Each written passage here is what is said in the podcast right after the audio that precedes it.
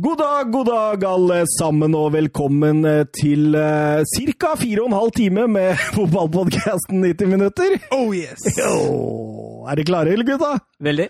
Søren til min venstre, Mats uh, akterut, kan vi kalle det så. Ja, rett over. Mm.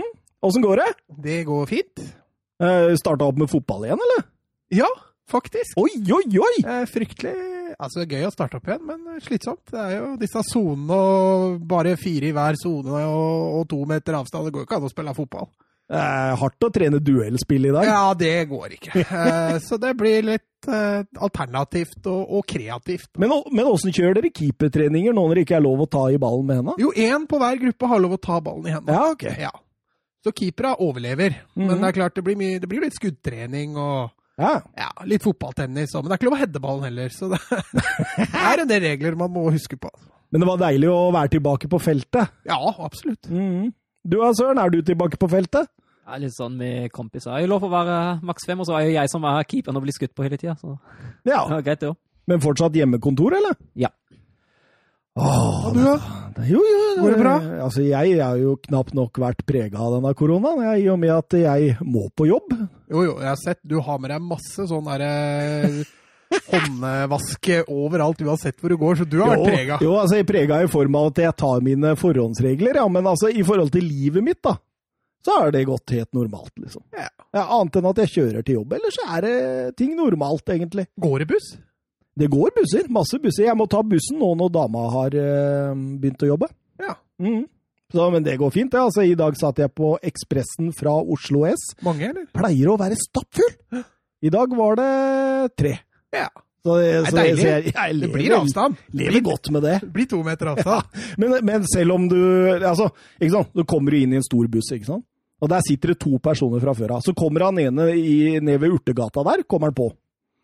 Gjett hva han gjør, da! Han finner ut at eh, vet du hva, da tar jeg og setter meg ca. 30 cm fra han andre av de Altså, da hadde jeg sagt ifra, ass! Du har en hel buss å gå på, så setter du Altså, har, følger du med, eller?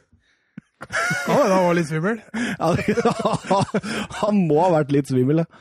Eh, Nei, eh, vet du hva? Altså, jeg veit jo at dette vil ta tid. Vi kommer til å sitte her i, i, i et par timer i hvert fall, tenker jeg. Så vi kan jo egentlig bare kjøre rett på, tenker jeg, på disse eh, ti fryktelige spørsmåla. Jeg gruer meg som en Ah, har gått så dårlig i det siste! Og rullestolen har ikke smørt hjula sine engang!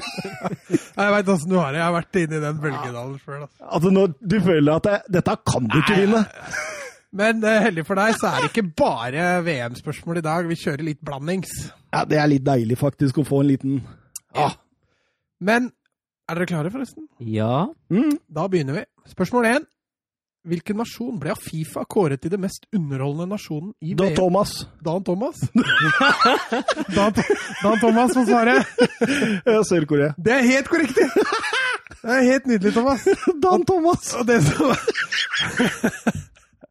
Det som er litt ekstra gøy med det, er at ja, den var jo for så vidt underholdende, for det var mye vold. Ja. Men ikke sånn veldig artig fotball til tider. Nei, høy energi eh, Ja, det var det det. Ja. Spørsmål to.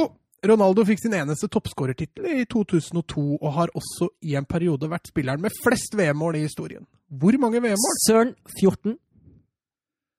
Nei, du får ikke for den, altså.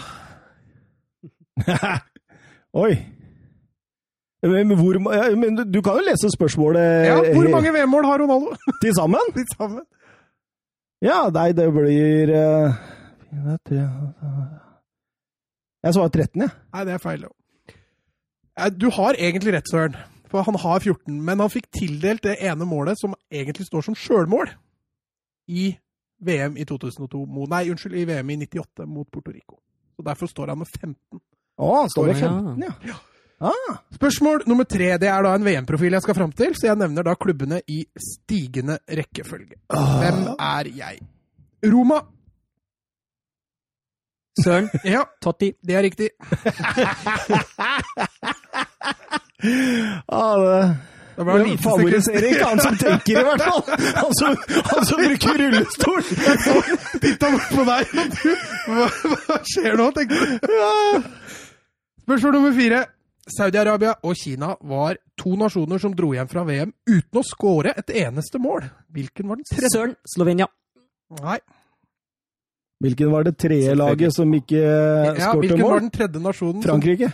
Det er helt riktig. Tenkte på null poeng her. Se, ser du hvor seint det går? Du hørte jeg sa null skåringer. Men da skriver vi en T der, altså. Spørsmål nummer fem. To spillere som var involvert i finalen, tjente til livets opphold i Premier League på den tiden. Nevn én. Mm, Nå. Må du gå gjennom startoppstillinga, Ja, Thomas? jeg Fort må jo fort. Thomas. Ja. Dietmar Hamann, Liverpool. Det er helt riktig, Thomas. Kan du den andre òg, da? eller? Ja, jeg gjør nok det. Eh, Nei, Kleberson, det var året før. Han, eh, han dro til United. eh, Ikke backa, ikke stoppera. Eh, Må vi til Tyskland der òg? Ja, må det, altså. Ja, det, Og han spilte faktisk i ditt kjære Tottenham. Altså. Og Christian Sige. Yes. Han, kom, han kom inn på slutten Ja, på stemmer det. stemmer det. Jeg kosa meg da. Blei da den andre. Greit. Spørsmål seks. Og nå skal jeg fram til en fotballkamp. Eh, Det jeg vil vite svaret på, er eh, hvilke to land eller klubber som spiller mot hverandre. Og oh, i Du, du, du kan ikke Det er, det er land eller klubber, ja. ja, Oi, oi, oi, Og dette blir tøft. det blir tøft. Det blir hvilken tøft. turnering eller liga jeg skal fram til. Og du skal ha alt? Ikke, jeg skal ikke ha årstall og stadion og sånn. Jeg skal Nei. bare ha hvilke to lag møtes, og i hvilken turnering eller liga spiller. Ikke publikumstallet? Nei, det skal jeg ikke ha. Nei, okay. Så hvilken kamp er det jeg skal fram til? Kampen ble spilt i Roma. Ingen nordmenn eller tyskere var involvert i kampen, men det var hele sju spanjoler. Cristiano Ronaldo spilte, men han skårte ikke. Thierry Henry spilte, men han skårte ikke. Kampen ble spilt i mai, og Xavi ble kåret til banens beste. Og det ble hevet et trofé etter kampen. E2 skåra kampens første mål, og på benkene satt en rutin... Søren, Mm. det er Champions League-finalen mellom Barcelona og United. Det er helt korrekt, Søren. Ja, Dere Sterkt, eh, Søren. Jeg, jeg, jeg skjønte at det var klubb etter hvert, jeg òg, da, men eh, skulle fullføre med en rutinert skotte og en fremadstormende spansk Å. trener på benken. Å, du skulle det, ja. Da da Da hadde rullestolhjula begynt å knirke. Spørsmål sju. Det nederlandske fotballforbundet har avgjort skjebnen for hvordan ligaen ender denne sesongen. Hvordan ender ligaen? Thomas, Søren var først. var det? Den var det? blir, den blir avbrutt, og så er det ingen som blir kåret til mester. Det er helt korrekt. Men, men var den det? det Jeg hørte S-en før, Thomas. Det, det, det er fotofinish etterpå, ass. Ja, ok, greit. Du får gå og høre igjen. Kunne du svare? Ja, ja. Ok. ok. Spørsmål nummer åtte. Hvilken stadion i Europa har den største tilskuerkapasiteten? Thomas, Kamp nå. du hører, du hører S-en før, men det, det, Er, du- er du enig? Ja, jeg er uenig. Vi- Vi kan høre etterpå. Ok, greit. Men da skriver jeg en S der. Ja, gjør det. Vær dommer, du. Hver Greit. Spørsmål ni.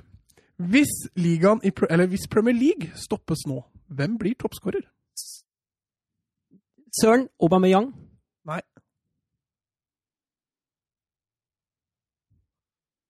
Oi. Toppskårer nå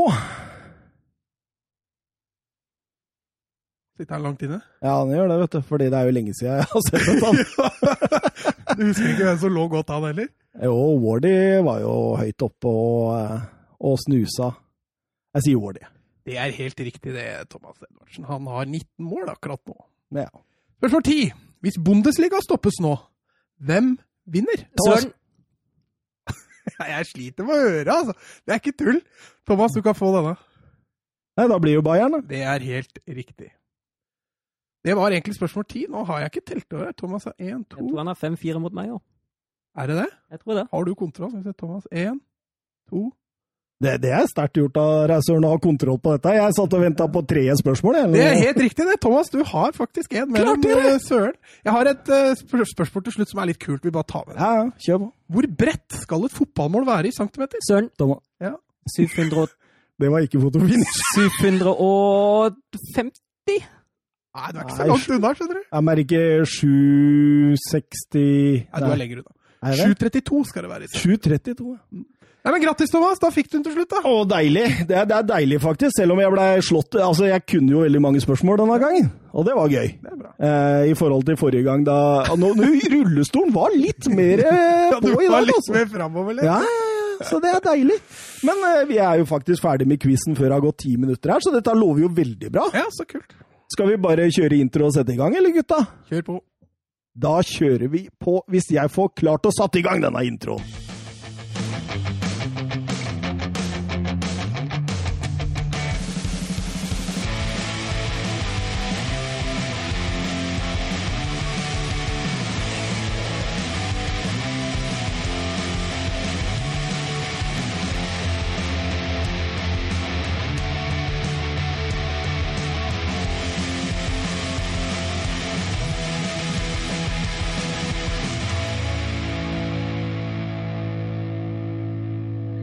Ja, da var vi ferdig med denne fæle ti spørsmål. Og Ikke så fæl nå, du klarte jo halvparten av spørsmålet.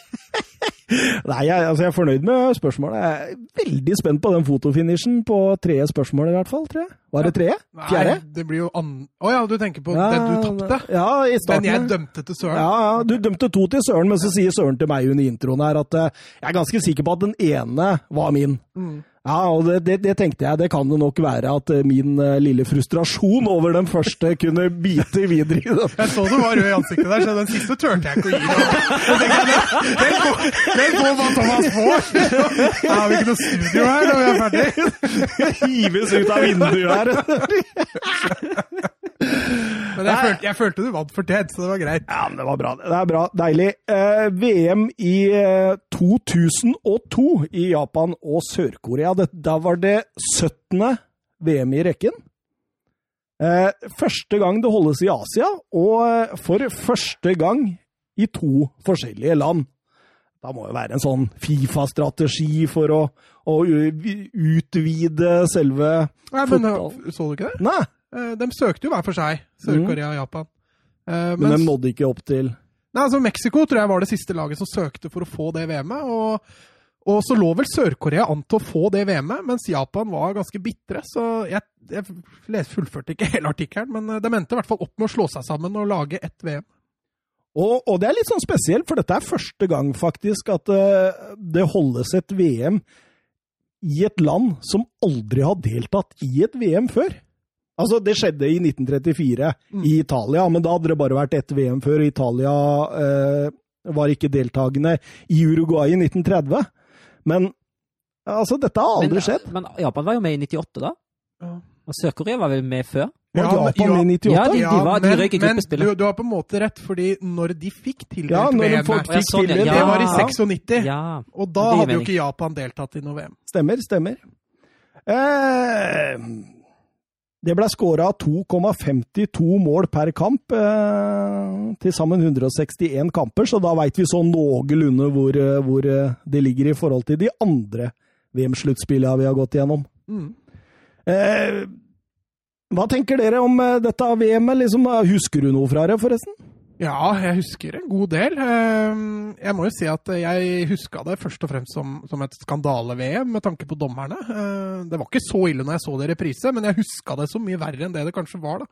Men det er klart det er en del avgjørelser og dommere i den, det VM-et der som er, eh, som er på grensa til katastrofe. Og så er det én dommer det var helt nydelig å se igjen. altså. Ja, ikke sant. ikke sant. Du da, Søren? Jeg husker faktisk endelig noe. Det er jo fint. Jeg husker, jeg husker at jeg aktivt gikk rundt og gleda meg til åpningskamp mellom Frankrike og Senegal. Eh, Jeg husker at det var helt krise med tidene for avspark, for de to tredjedeler av gruppespillkampene fikk jeg ikke sett, for da var jeg på skolen. Så da hadde jeg med meg en sånn liten lommeradio og prøvde å høre så godt jeg kunne hvordan det gikk med, med, med kampene da i pausene. Elleve år, var du?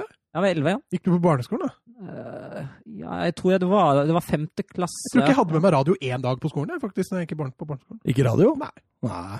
Jeg hadde Discman. Du hadde Discman. Jeg hadde Walkman. Nei, og så, husker jeg at det var litt sånn TV-rettighetskrangler i Tyskland, så man fikk faktisk ikke sett alle kamper i Free TV. Det var bare jeg tror, litt under halvparten som gikk i Free TV, og det var jo litt kjedelig, det òg. Så man eh, det var ikke tilrettelagt for å se alle kamper, i hvert fall. Det var fælt. det. Det var i, i 94 i Norge òg. Da måtte du se de aller fleste VM-kampene på svensk TV, husker jeg. Mm. Uff, det er fælt det der, der når de krangler om de rettighetene sånn at det gjør det verre for oss andre. Men eh, Nederland, jeg tenker litt på de. De var ikke med denne gangen. Altså semifinalist i VM i 98. Eh, EM-semifinalister to år før også. Vips! Ute. Og det synes jo alle tyskere var veldig, veldig gøy. Fordi Tyskland og Nederland er jo en, eh, en liten rivalitet som vi har vært inne på. Så da var tyskerne veldig fornøyde med at man karvet seg til, eh, til VM, mens Nederland måtte bli hjemme. Så var det jo litt sånn outsidernes VM til slutt, det her. Eh, to av favorittene røk jo allerede i gruppespillet, og som du sier, Nederland var jo, var jo ikke med. Uh, Ikke Norge, eller? ikke Norge, kanskje Men de den hadde største. jo en fantastisk tiårsperiode bak seg der. Ja, men den generasjonen var jo i ferd med å dø ut nå. Ja, Eh, og Nils Johan Johan Ikke dø ut, kanskje, men i hvert fall legge opp. Jeg så på Jeg tenkte, skal jeg se hvordan det egentlig sto til med Norge i den kvaliken eh, opp fram mot 2002. Og vi havna på en eh, fjerdeplass i gruppa bak Hør nå. Polen, Ukraina og Hviterussland. Vi slo eh, Wales på femte og Armenia på sjette, men vi vant kun to kamper i denne kvalifiseringa. Det var hjemme mot Wales og borte mot Armenia. Det er altså Beklager. men- Men hvis jeg husker riktig, så var det også Nils Johansheim sitt siste. Nei, han fikk Han jo fikk fortsette. Han fikk fortsette i neste VM-kvalik. Ja, for Hareide tok over i 2004. 2004, tror jeg. Stemmer. Mm. Det er helt riktig. Ehm, så det er ingen Norge og ingen Nederland eh, denne gangen. Men eh, hvis vi går over til gruppa A, da, hvis vi begynner der, så ser vi at Danmark er med. Som vanlig. Som vanlig. Nei, kanskje ikke som vanlig. Det er vel andre VM-et vi har nå som dem er med. Så. Ja, men du, du føler liksom at Danmark og Sverige alltid er med. Du føler jo nesten litt sånn, i hvert fall herfra og ut, da. Sverige tror jeg vi har hatt med i hvert eneste VM. Mm. Var, var de med i 98, eller var det da, en av de to var ikke med? Danmark eller Sverige? Jeg husker Nei, Danmark var med, så da var Sverige, Da var Sverige var med. ikke var med, ja. Da. Men eh, over til gruppa. Eh, vi kan jo begynne med Frankrike. Den store, store skuffelsen i gruppa A. Ja, der var jo Altså, Zinedine Zidane var, kom til det VM-et med en skade. Uh, Blei aldri klar. Fikk jo spi- ikke spille noen ting. Eh, Spilte han ikke tre Ja, han fikk jo kanskje innhopp i tredje, eller noe sånt, eh, men, men da var det jo for seint. Frankrike hadde jo allerede dritt seg ut. Eh, Og så var det vel litt sånn tumulter i den eh, franske troppen. Ja, de hadde, altså Pires var jo ute med skade òg. Han uh, skada seg mot Newcastle. Endte opp med å være ute i Ja, ni måneder eller noe sånt. ja. Fryktelig. Og så var det jo var det jo at både, både Viera og Henri sa at de var slitne, både fysisk og psykisk. Um, og så var det jo en god del, god del av det laget da, som allerede var over 30. Det var jo Jorka F som hadde et fryktelig mesterskap. Desailly, Leboeuf, Lizarazu og Petit. Uh, så de kan man jo argumentere for hadde sin beste tid bak seg på det tidspunktet allerede. Men, eh, men det, det var jo et eh, knallsterkt lag, og Johan Cruyff sa jo før VM at eh, eh, noen få land vil kjempe om tittelen. Frankrike er favoritten av dem alle. Så det var jo åpenbart, dette. Altså, men, det, men den var jo leda han der av Roger Lemeur, er det det han heter? Han tok over for Jacquet etter VM i 98. Blei europamester i 2000. Eh, vi husker jo godt eh, Golden Goal. Eh, David Trezeguet, ja. David Trezeguet mot var det Italia? Ja, det var det. Eh, og så vant han jo Confederation Cup også i 2001, eh, året etter, så det gikk jo veldig bra med Frankrike inn mot dette. Men eh, det var på hodestups ut av turneringa igjen. De starta vel eh, med et tap mot Senegal. Ja, Det var vel åpningskampen i mesterskapet. Frankrike-Senegal, og Senegal de dansa seg videre. De var vel han Diop som skåra mål og tok av seg drakta, så sto alle og dansa rundt drakta Mm, som feiring. Det var, eh, det var nydelig, og det var et Senegal-lag med veldig mye energi, og et Frankrike-lag totalt blotta for energi. Så at eh, jeg husker jeg tenkte at Senegal vant fortjent, og når jeg så kampen igjen, så har ikke det forandra seg. Nei, og mot Uruguay, Søren, så fikk jo Ari rødt kort. De grisetakla jo Marcelo Romero. Det. Åp, åpent sole, det var soleklart rødt kort. Det er, det er helt. Strakt bein. Ja. Det, ja. Altså, altså, ja, da er det en eh, Jeg synes, altså Ut ifra det jeg har sett nå, har jeg ikke sett hele kampen, men jeg, var- jeg syns det var en jevn kamp. Eh, men ja, da spiller man fort uavgjort mot Uruguay når man spiller med ti mann, altså. Da blir det sånn. Men så skal det sies at i siste kampen mot Danmark, der taper de 2-0. Men der er Thomas Sørensen, den danske keeperen, strålende. og Han har hjelp av stolper og tverrleggere, og det er ikke måte på. Men det, det ville seg ikke for Frankrike her. Nei, den var, det var ikke, skulle ikke bli deres mesterskap i det hele tatt. Og ja, nei, de ryker egentlig ut eh, Jeg veit ikke om Zidane hadde greid å redde det heller, for det var ganske flatt eh, de første kampene. Eh, Og selv med Zidane, det blei bedre, men eh, du så også at han i den kampen var ganske hemma. Altså. Mm. Og Lemaire han fikk sparken etter VM. Eh, Inn kom Jacques Santini, som leda jo Tottenham i 13 kamper i 2004. Med stort, hell, eller? en strålende, 13 strake seire der! en strålende manager i Tottenham-historien. Og dette var jo to år før da eh, Raymond Domenech-perioden. Ja. Etter dette var det vel eh, Didier Deschamps også. Han var ikke med i dette VM, og mange spekulerer at eh, Didier Deschamps, om rollen han hadde i det franske laget, da, var for stor eh, å erstatte. Mm. Så det kan godt hende det kan ligge noe der, søren. Det var Makelele som gikk inn og erstatta rollen hans. Han var en briljant spiller, men han hadde jo tydeligvis ikke samme autoritæren, eh, Nei, autoritære på plass. Han var jo ikke det så samme, altså. Ikke noe. Men eh, Uruguay, da? En liten dark horse i gruppa, egentlig? Ja, altså det, det som jeg syns var litt gøy å se, var at eh, en ung Diego Forlan var med. Det var, det var morsomt. li, lite spilletid på han, da. Ja, dessverre. Men altså, det har jo, altså, var jo stammen ellers var jo Det var noen som spilte i Italia og Spania, og mange som spilte hjemme i Uruguay. Uh, og jeg syns også, sammenligna med tidligere mesterskap, er det en litt dårligere tropp Uruguay stilte med nå. Denne turneringa. Alvaro Recoba. Ja. Gamle Interspiller. Og Paulo eh, Montero, ja. Montero. Ja, ja. Han var brutal, eller? Det, det, men det er, det er sånne deilige fotballspillere da, som bare dukker opp i minnet igjen. ikke sant? Men eh, det blei, eh, det blei eh, 1-2-tap mot Danmark. eh, 0-0 som sagt mot Frankrike, og det blei en svært underholdende 3-3-kamp på slutten her mot Senegal. Da skåra jo for land. Da skåra Forlan, og det var vel den eneste kampen han også var deltakende i, så vidt jeg veit. Det var litt gøy også med Senegal, så etter VM, hvordan de spillerne plutselig ble veldig attraktive. Det var par av dem som endte opp i Liverpool òg, tror jeg. Ja, stemmer, stemmer. Så de hadde bitt godt fra seg, dem. El Haji Diouf, blant annet, og Salif Diao. Ja, altså han derre Nå kommer jeg ikke på navnet, Kamara, var det det han het? Henry Kamara, Ja, stemmer. spissen. Eh, men jeg tenker på at eh, eh, i denne 3-3-kampen så skårer jo Alvaro Recoba eh, 3-3 på straffe helt mot slutten der. Og det er jo helt avgjørende, for hadde han ikke gjort det, så hadde Senegal vunnet gruppa, Mm. og ikke Danmark. Eh, men så tenker vi over på Senegal, da. Et eh, afrikansk land, det imponerer jo alltid, det sa vi jo i stad her. Et afrikansk land imponerer alltid. Ja, for et av de afrikanske landene. Ja, det er alltid landene. ett afrikansk land, ja. Men det var flere afrikanske land med her som ikke imponerte. Ja, som ikke imponerte. Men det er alltid ett. ikke sant? I 90 var det Kamerun. Eh, I 94 og 98 så blei vi jo litt sånn bergtatt av Nigeria. Ja. Denne gangen var det Senegal. Mye energi, mye entusiasme. Litt samme som vi fikk se av Kamerun i 90. Mm. Morsom fotball og El Haji Diouf. Jeg visste jeg, Altså, Jeg huska ikke at han var så nei, det huska ikke jeg heller! Jeg skjønner jo hvorfor Liverpool kjøpte den. Ja, Men han var ikke så god i Liverpool. Nei, det var det ikke. Jeg husker Liverpool-karrieren hans. Jeg har lest litt om den der, og det er sånn Det er krangling fra ende til annen med trenere og, spillere, og han ha, ble jo hata av Gerrard, ikke sant? Det er klart det at eh, Men- Var han ikke innom Blackburn òg, Mats? Han var innom Bolt, Ja, Bolton. men det Bolton var det, ja. Bolton og- ja, jeg tror Blackburn, han var i Blackburn Blackburn. var han, ja. Ja da, absolutt. Han var litt rundt omkring, han. Men sterkt av Senegal å ta seg videre fra denne gruppa, ingen tvil om det. Sammen med Danmark, da, som uh, Vant gruppa. Vant gruppa, ja. Eh, Ebbe Sand og Jon Dahl Thomassen på topp. To target-spisser som uh, virkelig jobba bra sammen.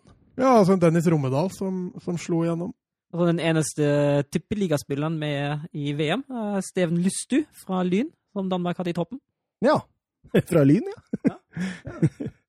Men eh, det jeg også tenker på, det er at uh, dette var jo det første mesterskapet til Morten Olsen.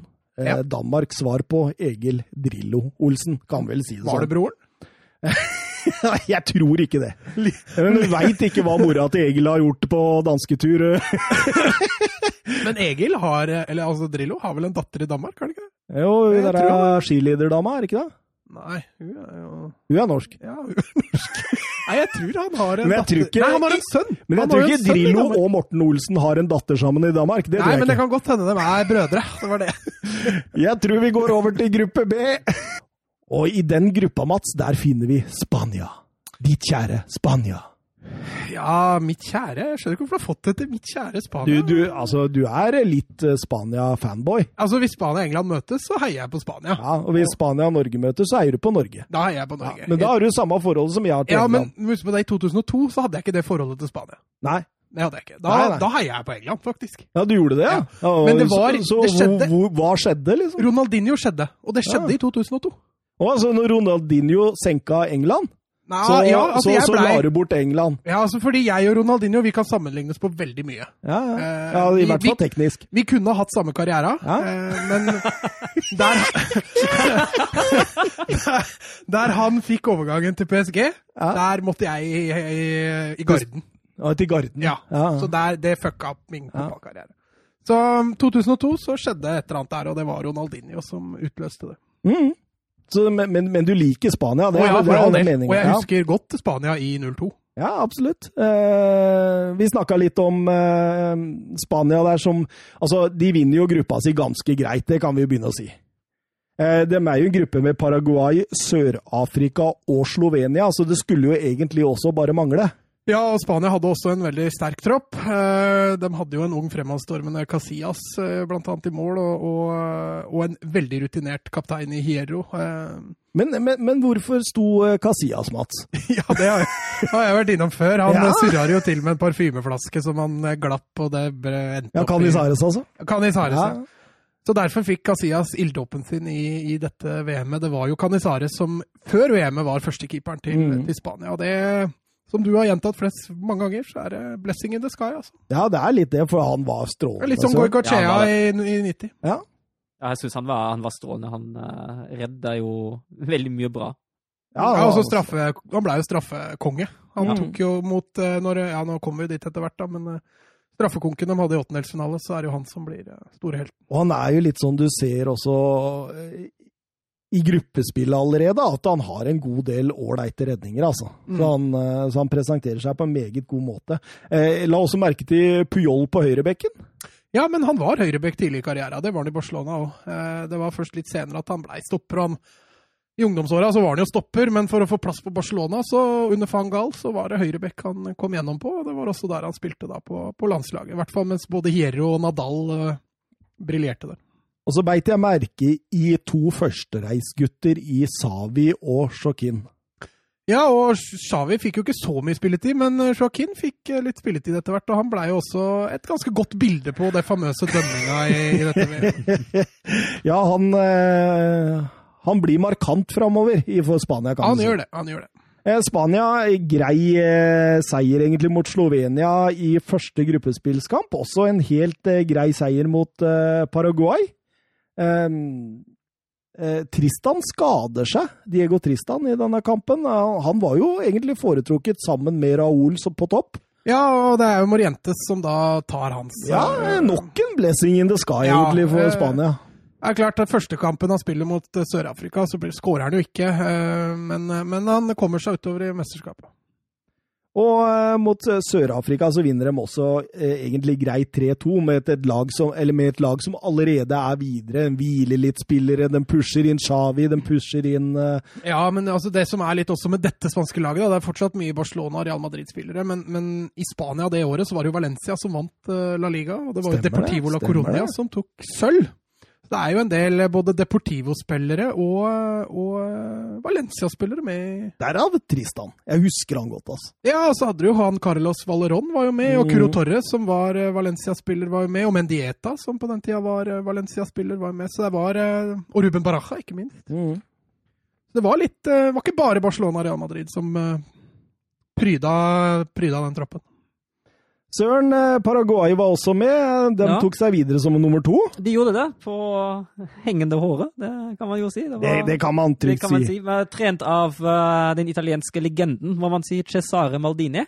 Åhå. Og på en- hengende håret så mener du da at de hadde lik målforskjell, Ja, men skåra rett og slett ett mål mer. Ja, det stemmer. Altså, skåla et mål mer og sluppet inn et mål mer i forhold til Ja, ja. Sør-Afrika. ja. Og så har den 36 år gamle kapteinen Chila Vert som står, som står i mål, og så setter han jo mot Slovenia setter han jo et frispark i tverrliggeren. og det er, det er morsomt å se. Han prøvde seg jo mot Tyskland seinere òg, men da var det det litt mer mislykka. Ja, det gikk over. Ja. Han er, han er nydelig, han der Chilavert. Altså. Og så syns jeg det er gøy å se 20 år gamle Rocke Santa Cruz. Det En strålende fotballspiller. Ja, han ble Eh, Blackburn han òg, gitt. Ja, han endte jo opp der. Han hørte forresten et intervju her med Erik Nevland, og han snakka mye om eh, Rocky Santa Cruz. Så det var en eh, meget habil spiller. Hvor er det de Eh, spør kryssa bane? Var det Jeg må bare tenke litt her nå. Det var ikke Erik Nevland, det var Morten Gams Pedersen. Jeg bare, hvor er det ditt feltet sammen? Ja, men jeg, jeg har hørt et intervju med begge to. Okay. Ok. Så ja, men eh, Gams. Pedersen og Rokke Santa Cruz kryssa vel bane i Blackburn. da. Ja, de gjorde vel det. Mye Blackburn for tida. Ja, helt nydelig. Vi Ja. kan ta en Blackburn spesial. Ja, altså, jeg, gjennom, du møtte altså, Tugai det, er masse liksom gjennom uh, Blackburn. Benny McCarthy det er, du, du finner Blackburn overalt! var ikke, var ikke også innom Blackburn? Jo, men det var relativt mislykka. Men, men var det i den perioden de indiske eierne tok over, det kanskje? Nei, det er lenge før. Ja, er For ikke de skulle jo hente Maradona som trener og David Beckham som kaptein, og det var ikke Ja, måte på. ja, ja. Men uh, Djorkaeff var, eh, var før den tid. Starten på nedgangen til Blackburn, egentlig, det der. Ja, nå har de jo vært enda en divisjon nede enn det. Ja, nei, nå sporer vi. vi får, eh, Det hender vi gjør det, men jeg, jeg, jeg tror lytterne er glade i avsporingene våre også. Søren, eh, kan du fortelle litt mer om eh, Paraguay? Ja, det var jo uh, Var vel uh, grei uavgjort mot uh, mot Sør-Afrika, som var jo kanskje allerede en sånn veivisende kamp. Uh, de to lagene som sikkert ble sett på som sterkest bak Spania. Paraguay sikkert i en favorittposisjon der. Og så tapte de jo 3-1 mot Spania, da, til tross for at Puyol sendte dem i ledelsen ved selvmål. Og Det var ikke så mye han skal ha gjort. Nei, nei, nei, det var jo Casi- Casillas redda jo på ham.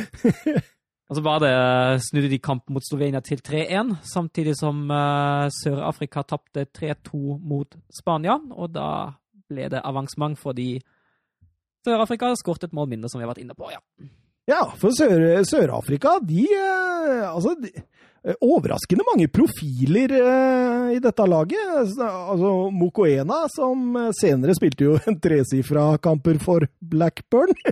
apropos Apropos. En Quentin Fortune i Manchester United, en Pierisa i, eh, i Watford, eh, Benny McCarthy på Porto og Radebo Pinar, en ung Pinar i Ajax.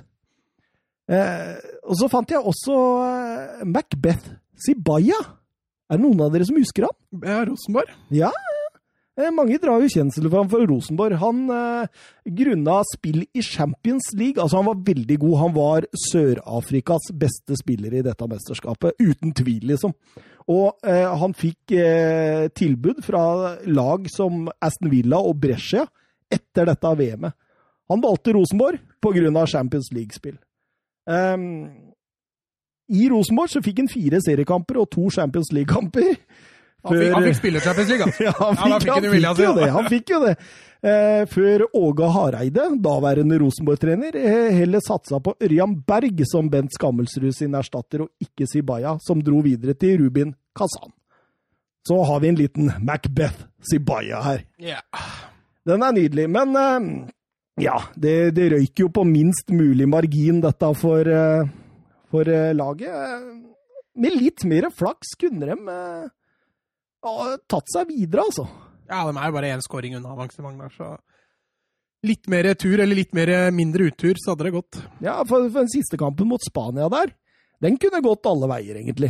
Ja, Spania var jo allerede videre på det tidspunktet og spilte litt på, på break. Og det var jo som du sa, at de, de sparte jo noen spillere, så de kunne kanskje fått med seg et uavgjort der. Ja, og litt bittert at det er to keepertabber i den kampen fra den sørafrikanske keeperen. Ja, ikke minst. Ja, det glipper jo allerede etter fire minutter, og så det skuddet da til 3-2. Ja. Nydelig. Eh, Slovenia kan si noen få ord om det også. Eh, Et eh, lag egentlig blotta for stjerner, med unntak av ett tilfelle. Han ble sendt hjem, ble han ikke det, Søren? Slatko Sovic, ja. Han ble bytta ut i første kampen etter 63 minutter mot Spania, og da berettes det at han ble så forbanna at han uh, kjefta en del ukvemsord mot treneren sin, som ikke gatt det hei, og sendte han hjem. etter at treneren var historie etter det mesterskapet, var han tilbake på landslaget. Men det, altså, Savic var den store stjerna på dette Slovenia-laget. Det blir nesten, og sier jeg nesten, altså, som Ja. å sende hjem Zidane. Ja, sånn i målestokk? Ja. ja. Og det, det var ganske kontroversielt, altså. Mm. Absolutt. Eh, Noen kan vel også dra kjensel på Milenko Asimovic, som eh, blir kjøpt til Tottenham fra Røde Stjerne etter dette mesterskapet. Det, det var jo en eh, spiller, det også. Spiller. Omtrent eh, like stor Tottenham-karriere som Jacques Santini hadde. Men ellers, eh, Rudonia på Portsmouth og Che på Klubb Brygge er vel de som var mest kjente der. Et lag som Altså, jeg, jeg tenker altså Store deler av førsteomgangen mot Spania, det er, den er jevn. Den kan bikke begge veier. Eh, det kan også kampen mot Sør-Afrika, når de leder etter 25 minutter der med én mann mer. Eh, men det ville seg ikke null poeng og rett hjem. Rett hjem. For i gruppe C der finner vi storlaga Kina og Costa Rica, Mats. Ja, og outsiderne Brasil og Tyrkia. Ja. I hvert fall Brasil, stor outsider. Eller stor favoritt i mesterskapet. Eller, eh, eller Altså, det skrangla jo litt uh, fram mot dette mesterskapet. Ja, de hadde hatt noen litt opp og ned-resultater, og så var det jo litt sånn litt utskiftninger fra VM i 98. Dunga var jo borte, eh, Tafarel var borte.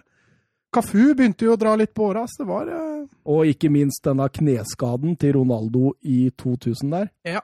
Han dro jo til spesialist i USA og fikk beskjed om at han aldri kom til å spille fotball igjen. Mm, han fikk beskjed om at han var ferdig. Mm. Eh, på trenersida også, altså etter at eh, Zagallo gikk av etter finaletapet i 98, så var de igjennom en karusell med Vanderlei eh, Luxemburgo, eh, Cadinho og Emerson Leao, før altså Skal vi kalle han legenden? Filipe Scolari? Ja, han var i hvert fall en Brasil-legende. Ja, han var det. Han var vel ikke en Chelsea-legende, men Nei, det var han vel ikke. Men han, han er han i Kina, da? Han var i hvert fall det. Det kan godt hende. Det kan godt hende. Het ikke Portugal i EM 2004? Jo, det gjorde han. Han eh, vant vel EM også. Nei, ikke, Gjorde han ikke det? Ikke i 2004. Nei, da var det jo Hellas som vant, da. Ja, men vant ikke et EM her òg? Kan tenkes. Nei da, så jeg skal, jeg skal ikke ah, det er, Altså, Portugal vant jo EM, men det var jo en del år etterpå. Da var Ja, men det jo... var det med han? Nei, det Nei, var, med Fernando, 2016. Fernando Santos. Ja, det var det. Selvfølgelig var det det. Eh, men eh, når du ser på denne brasilianske troppen, Mats, hva tenker du? Nei, der er det mye kvalitet. Og øh, offensivet først og fremst sprudler jo med, med to veldig offensive backer og en Ronaldinho, som jeg nevnte sist, som jeg ble i hvert fall veldig forelska i under dette mesterskapet. Ble jo bare kalt kelneren. Og det brukte han jo hele mesterskapet på å vise hvorfor. Han var jo en tilrettelegger av klasse, altså. Så hadde du Ronaldo som avslutter, og så viser Rivaldo seg også å være en av øh, kanskje den største utfordreren til Ronaldo som toppskårer i det mesterskapet. Og til tross for at Barcelona ikke hadde noe god sesong i Spania, så var jo han veldig god den sesongen. i Ja, ja, ja, og han var også meget god i dette VM-et. Så det var, det var klasse. Og en Ed Milson som imponerte veldig. Skulle også etter hvert få en OK karriere i Barcelona nå. Eh, Gilberto Silva som etter hvert gikk til Arsenal. Så de hadde to bra defensive midtbanespillere også. Og Søren, du sa Og så så jeg 20 år i Kaka. Det var Kaka. Gøy, gøy å se. Gøy å, altså, jeg tror ikke han spilte noe særlig, men Nei, eh, det gøy, gjorde han ikke. gøy å se en i toppen. Det er 20 år fra spilte da i Sao Paulo. Men det var litt som med, med Ronaldo. Han var jo med som troppfyll i 94. Ja. Og nå var Kaka med Ja. i 2002. Og det syns jeg er helt riktig. Mm. Å ha den derre den, å derra- ha- ja, den stigen. Mm. Eh, de åpna jo opp mot Tyrkia, og det blei jo en kamp med masse skandale. Ja, den, altså, først begynner Brasil med å ha en sånn arrogant inngang. Roberto Carlos har ved førkampen med at Tyrkia trenger bare 40 eh, det, det viser seg å være feil. Musikk i ørene til Skolari, i hvert fall. Ja, det, da, da blir du fornøyd når du hører det som trener. Mm. Men eh, ja, så Hassan Sa sender jo Tyrkia i ledelsen. Eh, Ronaldo setter 1-1, og så er det vel rett før slutt dramatikken begynner. Når eh, Alpay drar ned Er det Hvem er det han drar ned? Er det Luisao? Det, det er vel det. Ja, stemmer det. Mm, alene med Rushdie, og får rødt kort og straffe imot seg. Og der ser man, Søren, at eh, forseelsen Ja, den er jo, den begynner fem meter utenfor. Så jeg er helt med på at det er rødt kort. Han er sistemann, han er bakerst. Han hindrer en klar målsjanse, da er det rødt. Uh, men det var aldri i livet straffespark. Det burde blitt frispark fra uh, 19-20 meter.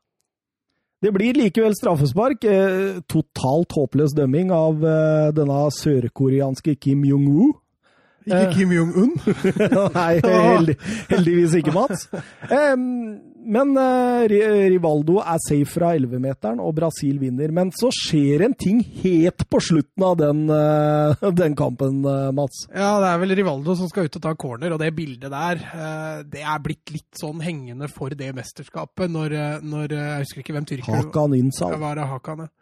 Som skyter ballen på Rivaldo. Rivaldo blir vel truffet i sida. Ja, i kneet et eller annet sted. Og går jo ned som et, eh, ja, et godt helikopter. Og holder seg til ansiktet. Eh, er eh, egentlig tåpelig av Rivaldo. Like tåpelig av, av, av Hakan der, men eh, ja, dessverre så er det blitt et lite bilde for det 2002-VM. altså. Ja, jeg, jeg, jeg leste litt. eh, Rivaldo har jo snakka om dette i senere tid. Og um, han sier jo det at uh, jeg synes at uh, Hakan Nynsal fortjente å uh, bli sendt av banen. Eh, selvfølgelig eh, eh, traff han meg ikke der jeg insinuerte at han eh, traff meg. Eh, jeg eh, gjorde dette for å få han ut. Jeg eh, sa sorry til han da han gikk av banen, eh, men eh, jeg står for det jeg gjorde, og angrer ikke. Og, og, eh, og Roberto Carlos sa jo også i ettertid at eh, jeg har gjort det der, der mange ganger, jeg. Dette har vi jo snakka om før, da, til søramerikanske og gjerne sydeuropeiske fotballspillere. Der er det om å gjøre å lure dommeren. og Sånt er ting vi i Norge egentlig ikke klarer å identifisere oss med i det hele tatt. og det, For oss er det forkastelig. For dem er det en seier å klare å lure dommeren. Eh, Kina var neste motstander. 4-0, enkelt og greit, eh, kan vi si. Nydelig frisparkmål av Roberto Carlos der. Ja, få treff der. Mhm. Og Brasil eh, slo også Costa Rica greit eh, 5-2 i siste gruppespillskamp, og der beit jeg meg merke til 3-0-skåringen til Edmilson. Brassesparket? Ja, fint, det. Det det er så mye kraft òg i det, vet du. Det er så deilig. Brasilianerne hadde mye brasseforsøk i det mesterskapet der. Rivaldo er jo ekspert på brasser. Selv om han ikke fikk inn noen i det mesterskapet, så hadde han noen forsøk. Altså. Mm. Jeg eh, så en liten, eh, en liten sak der eh, det ble nevnt at eh, dette Brasil-laget blir ansett som det beste fotballaget i VM-historien noensinne. Eh, vår navnebror, nettstedet 90 minutter, eh, hadde kun Frankrike fra 98, Tyskland i 2014 og Italia i 2006 foran. Eh, usikker på hvor dypt historisk de er, da. Høres ikke sånn ut som de er så dypt Nei, altså, jeg, jeg tenker på altså, Nå vant jo ikke Nederland i eh, 74 og 78 med Cruyff og Netchkins, men det var jo et av Ja, altså, vi- altså selv Hvis du går tilbake til første, første VM Uruguay, eh, sør-amerikansk søramerikansk fotball som på den tida ligger et godt stykke foran, eh, foran europeisk Uruguay som regjerende olympiamester, som på den tida var jo et slags VM, eh, og som briljerer på hjemmebane, og som har egentlig, er egentlig ganske mye bedre enn de andre lagene som møter opp der. Altså, vi begynner jo allerede da i 1930, og så har de jo flere brasilianske storlag, med særlig Pelé-tida, der man hadde Pelé på topp med Garincha og andre storheter. Så ja, jeg veit ikke helt om, om jeg kan signere på det da, altså. England i 66 med Bobby Charlton var jo også et strålende fotballag. Eh, Tyskland i 74 med Breitner og Gert Müller. Det var jo Beck- også- Beckenbauer som, som sjef. Ja. Spania i 2010 var helt greit, det òg. Ja, de ble ikke nevnt engang, liksom. Ja, og så altså, syns jeg generelt det er litt vanskelig å, å sammenligne fotballag Ja, i mellom tidene. Ja. for spillet forandrer seg såpass mye Ikke at sant? eh, det, det, jeg synes det blir Det er samme som å si at Pelé var bedre enn Messi, eller Messi er bedre enn Pelé. Uh, jeg syns det det er egentlig umulig å si, fordi spillet har blitt, eller sporten har blitt en helt annen, nesten. Men det er jo også som du sier, Takk, da, som er en vesentlig forskjell her, er jo det at i de tidlige verdensmesterskapene så har du noen nasjoner som er så mye mer overlegne enn alle andre. Mm. Når du da kommer til mesterskapene nå, da, som det er mye mer tettere, mye mer jevnere, du er nødt til å prestere på et helt annet nivå over flere kamper for å lykkes. da. Det er veldig vanskelig å sammenligne sånne årganger. Altså. Ja.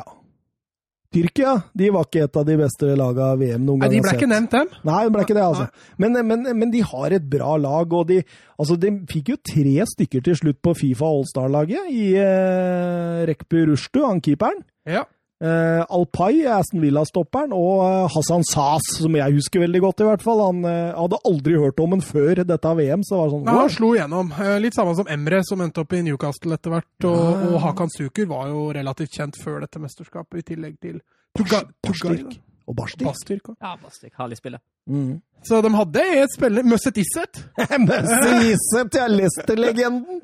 Han var på plass også. Må nevnes, selvfølgelig. Men, eh, men de tar jo seg videre, de, og eh, de eh, får riktignok tap mot Brasil i første, uavgjort mot Costa Rica i, i andre.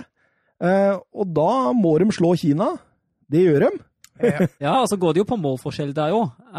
det er jo likt poeng med, med Costa Rica, som også Ja. ender opp med fire poeng. Men altså, særlig med tanke på det som skjer mot slutten av i den Brasil-kampen. Jeg syns det er fortjent at, uh, at Tyrkia tar seg videre fra den gruppa her. Ja. Og dessuten, eh, det, det, er som du sier, det er Brasil det er det som blir det avgjørende her. Eh, Costa Rica de taper 5-2 mot Brasil, mens eh, Tyrkia har jo lenge Brasil helt på G. Mm. Eh, Costa Rica, da, de ja, skal, Hva skal vi si om det? Men Jeg så eh, Paulo Vanchope. Ja, det Var, eh, kul spiller. Der, gamle Derby. Ja, og Manchester City, ikke minst. Da, nærmere 200 Premier League-kamper før turen gikk videre til Malaga og den satsinga de hadde der, da. Husker du det? eller? Å, nydelig. Eh, men jeg husker også Winston Parks på, på Udinese der. Eh, hadde ikke noe voldsom karriere, men jeg husker, husker jeg la merke til han. Det var jo to av de tre spillerne som spilte i Europa. Så hadde du han, han Gomez som spilte i Kreta i Hellas, eller på Kreta. Og så resten av det costaricanske laget spiller jo hjemme i den costaricanske ligaen. Ja. Uh, ja. Så det var greit at Tyrkia gikk videre. Det er deilig å være proff på Kreta, eller? Det da costaricansk spiller på Kreta. Det vi har vel hatt et par Costa Rica-spillere i Tippeligaen, har vi ikke det? Ja. Han Bolanjos i start, er det ikke det han het? Bolanjos. Ja, han var vel costaricaner. Ja, og så har du han Gamboa på Rosenborg. Ja, han som var og prøvespilte for Fugla, var ikke god nok. Ja, stemmer. Fredrikstad og Rosenborg, er det ikke det? Mm. Um, Kina da, Søren. Du hadde lyst til å si litt om dem òg, du, når jeg sa at nei, skal vi Ja, det, det, må jo, det må jo nevnes uh, Bora Milutinovic, som deltar i sitt femte VM, VM på rad med sitt femte lag. Han deltok i 86 som trener for Mexico. I 90 trente han Costa Rica. I 94 USA, i 98 Nigeria og nå i 2002 Kina. Og han eh, er ved siden av brasilianske Pereira den eneste treneren som har deltatt i fem mesterskap. Han er den eneste som faktisk har gjort det i fem på rad med fem forskjellige lag. Og det som virkelig er imponerende med han, er at han unntatt med Kina i 2002 alltid tok seg videre fra gruppespill. Så det er godt jobba. en liten Det er litt sånne bakgårdsnasjoner han har trent også. Ja, Det er altså, ikke Brasil og Nederland og, Nei, så og det- Frankrike. han skal ha all ære for den. Altså 2002 ble jo dessverre litt mislykka med tanke på at de ble sendt hjem uten å skåre et eneste mål, men uh, ja. De var jo der. ja. Viktigste er å delta, har jeg hørt. Du har hørt det, ja. Særlig i et fotball-VM. Men eh, Brasil og Tyrkia greit videre der. Eh, I hvert fall Brasil greit videre. Tyrkia litt eh, verre, men kom seg videre. Og vi går videre til gruppe D. Og der finner vi første vertsnasjon, Sør-Korea. Et sørkoreansk lag som som hadde satsa tungt før dette mesterskapet. Henta inn en Gus Hiddink. ja, og han, uh, han stilte jo sine krav til forbundet. Han uh, krevde at uh, hjemmeligaen K-League den måtte omorganiseres i forkant av mesterskapet. For han skulle ha fire måneder daglig kontakt med landslagsspillerne, som da de aller fleste av spilte i, i K-League. Og Mm. det, det fikk han. Og han uh, bygde opp uh, lag gjennom den tida. Ja, litt sånn USA-taktikk fra 94, hvor forbundet henta alle spillere omtrent. Ja, Gus Hiddink er jo en ringrev. Han var jo det på den tida også, selv om han eh, Han begynte å bli en ganske god nasjonal, si, landslagstrener. Ja. Han, eh, han gjorde underverket med dette Korea-laget. Selv om de ikke begynte å bli kontroverse helt ennå. Nei, for det var jo et lag bestående stort sett av spillere fra asiatisk fotball. Unntaket var Anderlecht eh, sin Seoul eh, og eh, An fra Perugia, som fikk en litt sånn merkelig VM-historie til slutt. Eh, eh, og så eh, kan vi også nevne Jung Pyong Lee. Eh, Venstreback på eh, PSV og Tottenham. Var faktisk ganske habil i Tottenham, altså var en god fotballspiller, det. Og ikke minst Park. G. Sung Park. Han husker du fra Dortmund? Dortmund? Nei. Han, var i, Nei. han var i PSV. PSV var det, og så gikk han til United. Bare. Jeg tenkte på han Kagawa, jeg nå.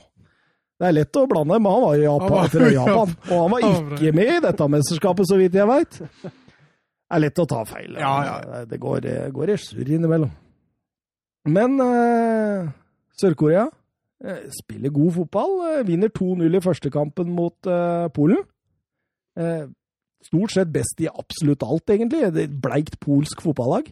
Ja, og så var det liksom uten de helt store stjernene på Polen. Du hadde Nolis Adebe, da, og så nevnte du en, en keeperlegende som han etter hvert skulle bli, spesielt i den røde delen av Liverpool, i Jerzy Dudek.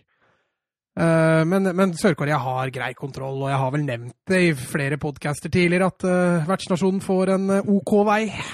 ja, og det var jo en gruppe som var ganske grei. Altså et USA som egentlig aldri har imponert i noe VM tidligere. Et Portugal som var ansett som en gruppefavoritt. Ja, de var nok sett på som favoritter, og de, de hadde en veldig sterk tropp. og, og skuffa stort, altså, i det mesterskapet. Men for å bare dra i land eh, fisken Sør-Korea, altså, så eh, i kampen mot USA, der er det en liten fin historie. Fordi eh, USA leder jo eh, 0-1 med etter scoring av Clint eh, Mattis. Eh, et stormangrep eh, mot eh, USA sitt mål fra starten av, men eh, stikk i strid med kampens eh, på en måte eh, utvikling, da, så skårer jo USA, og, eh, og det blir mer jevnspilt derfra. Eh, det mister vel også et straffespark, tror jeg, der, eh, mot slutten av kampen. Men helt, helt på slutten så kommer denne An og setter målet. Og eh, han feirer med å gå på skøyter, og det fant jeg ut av. Her må jeg finne ut av. Fordi eh, Sør-Korea spiller plutselig, og hele laget går jo på skøyter bortover der. Og da fant jeg ut at dette er et stikk.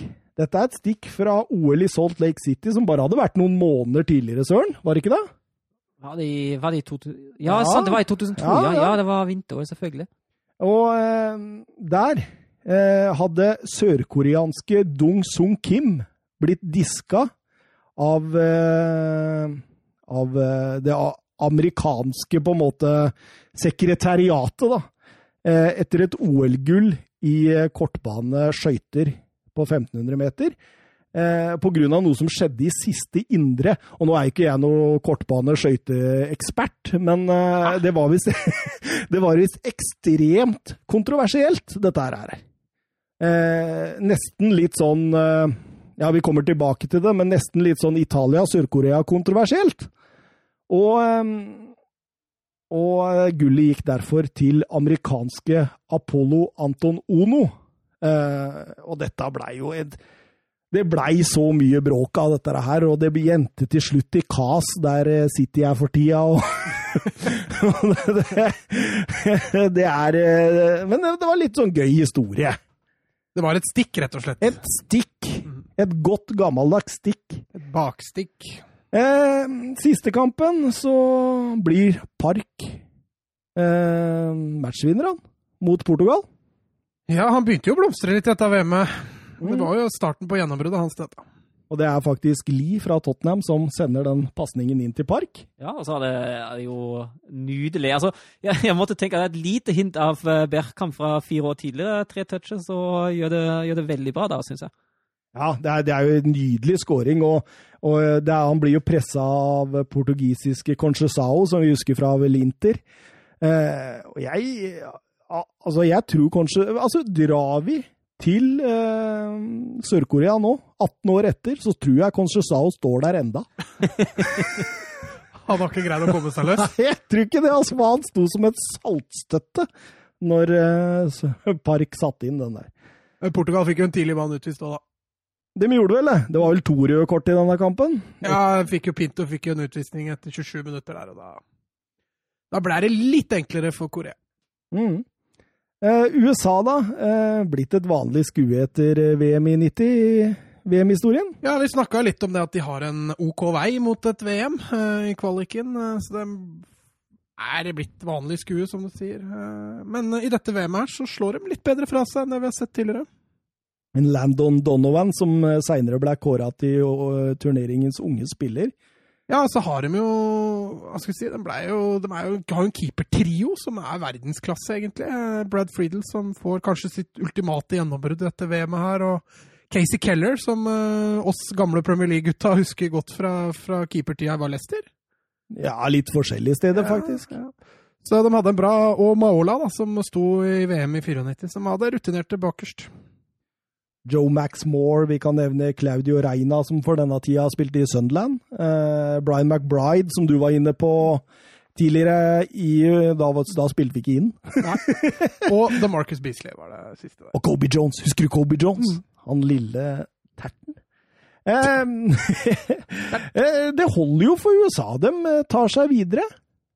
Og det betyr rett og slett det at eh, Det er Portugal med Figo og hele den bøtteballetten som Ja, eh, Rui Costa var jo på den tida en uh, stor stjerne. Var jo Milan-spiller og, og var eh, knallgod. Uh, så det var en skrell altså, at Portugal røyk ut. Og det var den uh, tapet mot USA i, i åpningskampen for Portugal her som ble skjebnesanger. Den blei jo og det- 0-2 til USA der, det gir et godt bilde på alt som gikk gærent for Portugal. Mm. Fordi den klareringen til Costas der, rett til en amerikansk spiller, og så taper de to dueller på rad før ballen går inn til Landon Donovan, som må være i offside når han får den ballen, men ikke blir det avvinket. Slår inn et innlegg i ryggen på Costas igjen, som setter keeperen ut av spill og ballen i mål. Her går alt gærent! Dommertabber Det er alt, alt går gærent der! eh, vinner dog 4-0 over Polen eh, etter hat trick av Pauleta i eh, andre gruppespillsmatch. Eh, det var lenge et problem for Portugal. Mangla den nummer ni mm. etter Pauleta var ferdig med det mesterskapet her. Så man går liksom litt tilbake med Portugal. Det mangler spisser egentlig i alle mesterskapene etter dette. Utenom Ronaldo. Jeg regner liksom ikke han som spiss, da. Men på Portugal så har han vært spiss. Ja. Men, men, men eh, jeg tenker jo også på han Nuno Gomez. Ja. Var han så veldig god? Heldig på stiga. Ja, var han så veldig god? Almeida. Ja, det var det siste jeg tenkte på. Det er mye gode spisser å ta her, altså. Polen skal vi Ja, vi, vi har nevnt dem, det holder, det. Ja, Vi kan nevne at det er derfra Lewandowski kommer fra, i hvert fall. og at han kunne spille for Hødd, det har vi også vært inne på eh, tidligere. Eh, vi går videre til gruppe F, vi. Og i den gruppa finner vi Tyskland, Irland, Kamerun og Saudi-Arabia. Og Tyskland de hadde etter et mislykket EM i år 2000 ansatt Rudi Føller. Og eh, jeg har vel sjelden eller aldri sett en svakere tropp, tysk tropp på papiret, Søren. Ja, jeg er helt enig. Det er ikke mye å, å skryte av. Altså, viser, den troppen illustrerer egentlig ganske godt uh, problemet tysk fotball står, eh, står i rundt de årene da, rundt uh, 98, 2002, eh, litt lengre ut. Hvis du ser, det er, det er hele fire spillere som er under 25, og det er Metzelda, Kehl, Asamoah og Klause. Eh, så har du noen eh, Gammel var Ballack. Ballak Ballack var 25, og så har du jo, du har jo noen som er litt lovende, som Frings og Ballack, som senere skulle bli brukbare fotballspillere, eller er allerede brukbare fotballspillere. Ballak brukbar. Ja, den, den er fin. Den er fin. Altså, Klå- Klause er- skulle jo bli veldig bra, her nå, men så har du veldig mye da som ja, altså, som jeg vil egentlig påstå i 2014, 16, 18 ikke hadde spilt i det tyske landslaget. Det gjelder egentlig en god del spillere der, og så har han jo en, eh, en enormt god sisteskanse, da. Er Men, ja, altså Khan var jo helt strålende, men jeg tenker, altså jeg syns det jeg så av Oliver Neuville, var ganske bra. Neville, ja. ja, han- var overraskende god. Helt enig. Var, Neuville. det var heller ikke så veldig mye Bayern München-preg over det tyske laget her. Det var mye Bayer Leverkosten. Det var de som var, eh, var Det var Champions vel CL-finalen. Ja, de spilte, altså Leverkosen har jo en litt morsom historie denne sesongen. De, havn- de roter bort nok et seriegull. Eh, Dortmund som vinner gull foran Leverkosen og Bayern. Bayern havner bare på tredjeplass denne sesongen. der. Så spiller Leverkosen Champions League-finalen, taper 2-1 mot Real Madrid. Så spiller Leverkosen eh, cupfinalen i Tyskland, havner, taper den cupfinalen mot Schalke. Og så spiller en god del eh, Leverkosen-spillere VM for Tyskland, og havner også da på andreplass. Og du har flere av de gutta her som havner på fire andreplasser den sesongen der, i egentlig alt. Men, eh, men, men, men til tross for et, et, et eh, Altså, jeg, jeg sier svakt tysk lag på papiret, for laget er jo ikke så voldsomt svakt. Men altså, i forhold til de tyske generasjonene vi kjenner til, så er dette noe av det svakere. Og så, så, så klarer de jo å, å ødelegge Saudi-Arabia i første kamp, da. Ja, og det, det, det begrunner seg jo mye på, på at Saudi-Arabia aldri finner et grep på, det, på den enkle oppskriften Tyskland har. Kommer seg ned på kanten, slår et innlegg på de, på de spissene Janka og Klause som er veldig godt i hodespillet, og så blir det en del mål på det. Ja, og så har de jo også Bierhoff på benken, så det var jo tydelig det at Tyskland hadde en plan med det. Det var mye hodestyrke på topp for tyskerne, og Klause, som du nevner, det er vel han som er tidenes toppskårer i VM eh, nå, er det ikke det? Det er det. Og de kjører disse wingbacka sine sant, for å komme rundt på kant og fòre. Det, det er jo Du skjønner jo tanken. Ja, og det er jo, altså, med tanke på Klås og Janka i midten. Altså, Janka er jo egentlig ganske høy, men han er ikke sånn superhodesterk. Men i hvert fall Klås er jo en uh, utmerket hodespiller allerede på den tida. Men 8-0 over Saudi-Arabia. Altså, det er noe av det største vi, seira vi har sett i VM-historien noen gang. Ja, det er vel eh, største har vel Ungarn mot eh, El Salvador i 1982, da de vant hele, vant hele 10-1. Og så vant vel Jugoslavia 9-0 mot Zaire i 74, hvis jeg ikke tar helt feil her. Og Ungarn 9-0 over Sør-Korea i 54. 54, det er en stund siden. Eh, Irland-kampen da, Søren. Altså Jo uh, Klose med nok en uh, headet scoring. Og så er det jo resten er ikke mye å skute av fra, fra Tysklands side. Da legger man seg legger man seg lavt og får en sein og fortjent kvittering eh, ved at Roy Keane utligner på Robbie. Robbie. Robbie, unnskyld. Roy Robbie. var ikke med. Det kommer Det er veldig viktig Ja, å få med seg. Tottenham Tottenham. Ja, for han gikk jo etter dette VM-en til Tottenham fra Leeds. Ja, ja, men det er Mm. viktig for en Tottenham-supporter Ja, ja, å, å vite hvem han har signert etter dette VM-et. På de- selveste deadline day. for de kjøpte ikke Roy Keane til Tottenham, nemlig. Nei, det gjorde de ikke. I Tottenham skulle forresten eh, Robbie Keane eh, få 197 kamper og 80 mål over hans eh, seks første sesonger. Han var der i to perioder, da. Før og etter Liverpool. Men det Irland-laget der var jo av det spennende sorten. Mm. Uh, Med en ung lovende Damien Duff som kom opp i Blackburn, da, for å dra tilbake igjen til den. Og Steve Stonton og Mye Blackburn. Steve Finnen og Ja. Ian Hart. Det var nydelig, nydelig. Men eh, Kamerun eh, ble grei 2-0, eller? Grei 2-0, men det, der rammer å bli utvist etter 40. Da begynner, jo, begynner man sikkert å svette litt, men så er det både som fem minutter etter pausen setter 1-0, altså Klause nok en gang som avfyrer det hele. Så da blir det en grei seier der. Mm. Og til slutt greit videre fra den gruppa. Greit videre, greit videre. Og Irland, Mats, der hadde Jack Charlton kasta, kasta taktikktavla og gitt den videre til Mick McCarthy. Ja, den var på tide det, å gi den videre. Eh, Irland som eh, De har vel ikke deltatt i VM etter dette, tror jeg? Nei, de har vel ikke det? Nei, De var med i tre VM på rad. Også. Men det var en gyllen generasjon, dette. Det var en veldig bra generasjon for irene der. og Dessverre så, så blei det aldri lenger enn åttendelsfinale, men eh, spennende lag hadde de for det. Roy Keane var jo ferdig, men de hadde en Robbie som eh, markerte seg i dette mesterskapet. Og så husker du bekkene. Ja. Leeds-bekkene Ian Hart og Gary Kelly. Ja, og Steve Finnen som eh, også Steve Finnen òg var der, ja. Stemmer det. Jason McAteer, Matt Holm. Oh. Han holdt jo liv i straffesparkkonkurransen mot Spania i åttendelsfinalen. kommer vi vel tilbake til.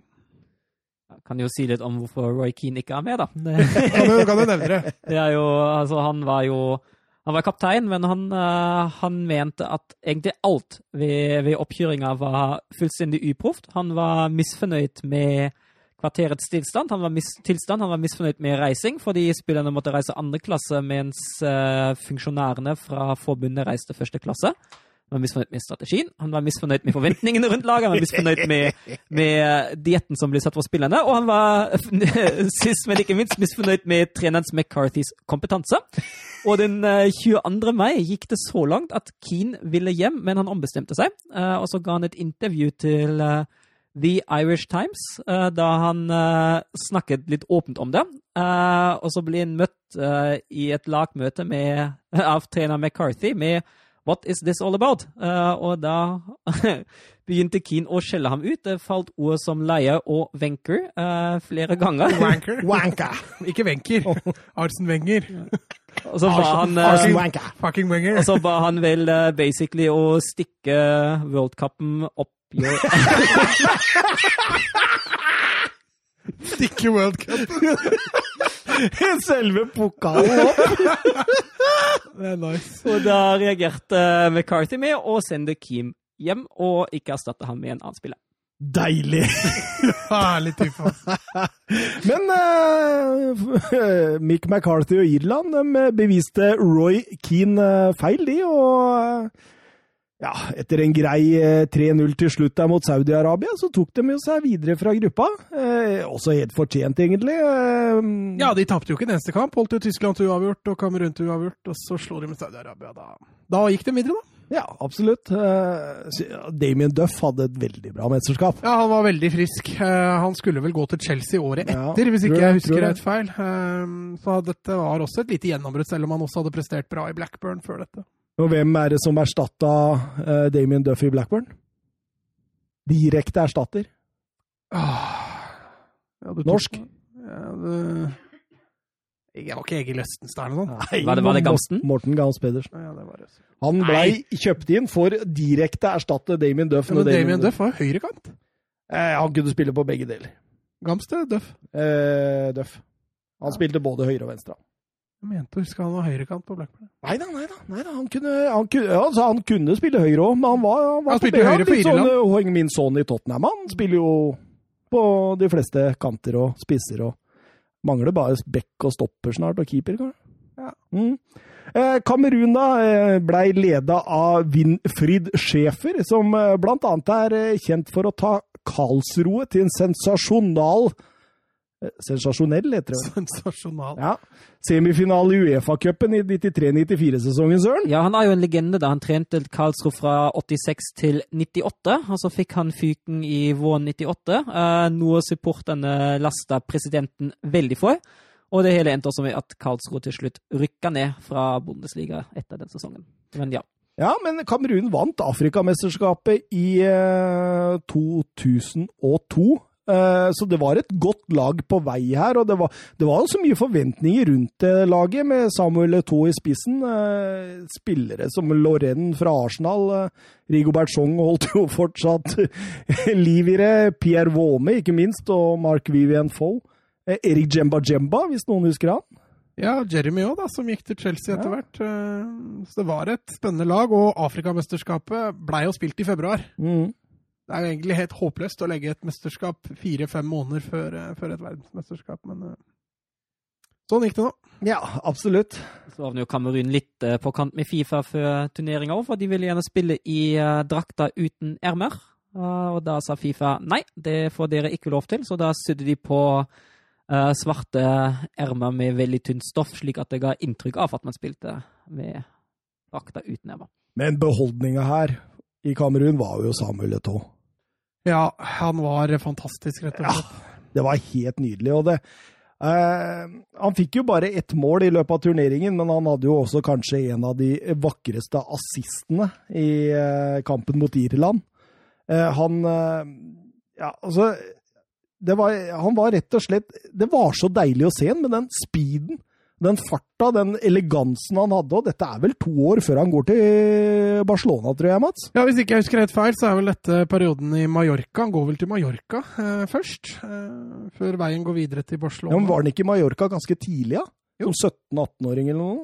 Han, var, han gikk vel først til Real Madrid, hvis ikke jeg husker Ja, helt feil. Og så også, gikk han ja. til Mallorca. Eh, men jeg mener å huske han var i Mallorca to sesonger, og at eh, dette var gjennombruddssesongen hans i Mallorca. Leste nettopp et intervju med han der. Han sa at han funderte på en eh, managerkarriere nå. Og at han eh, ville eh, i så fall være en manager som tenkte litt som Guardiola. Ja, jeg tror nok uh, Eto har jo veldig mye fotball i seg. Mm. Det er ingen tvil om. Så er spørsmålet hvordan han formidler dette. For han har jo vært en kontroversiell type. og eh, Gikk jo etter pengene i, i Anshi, husker jeg, i Russland. Mm. Uh, og så var det denne Chel nei, Interturen og Chelsea var han vel innom, så han har vært litt kontroversiell. Har mye erfaring.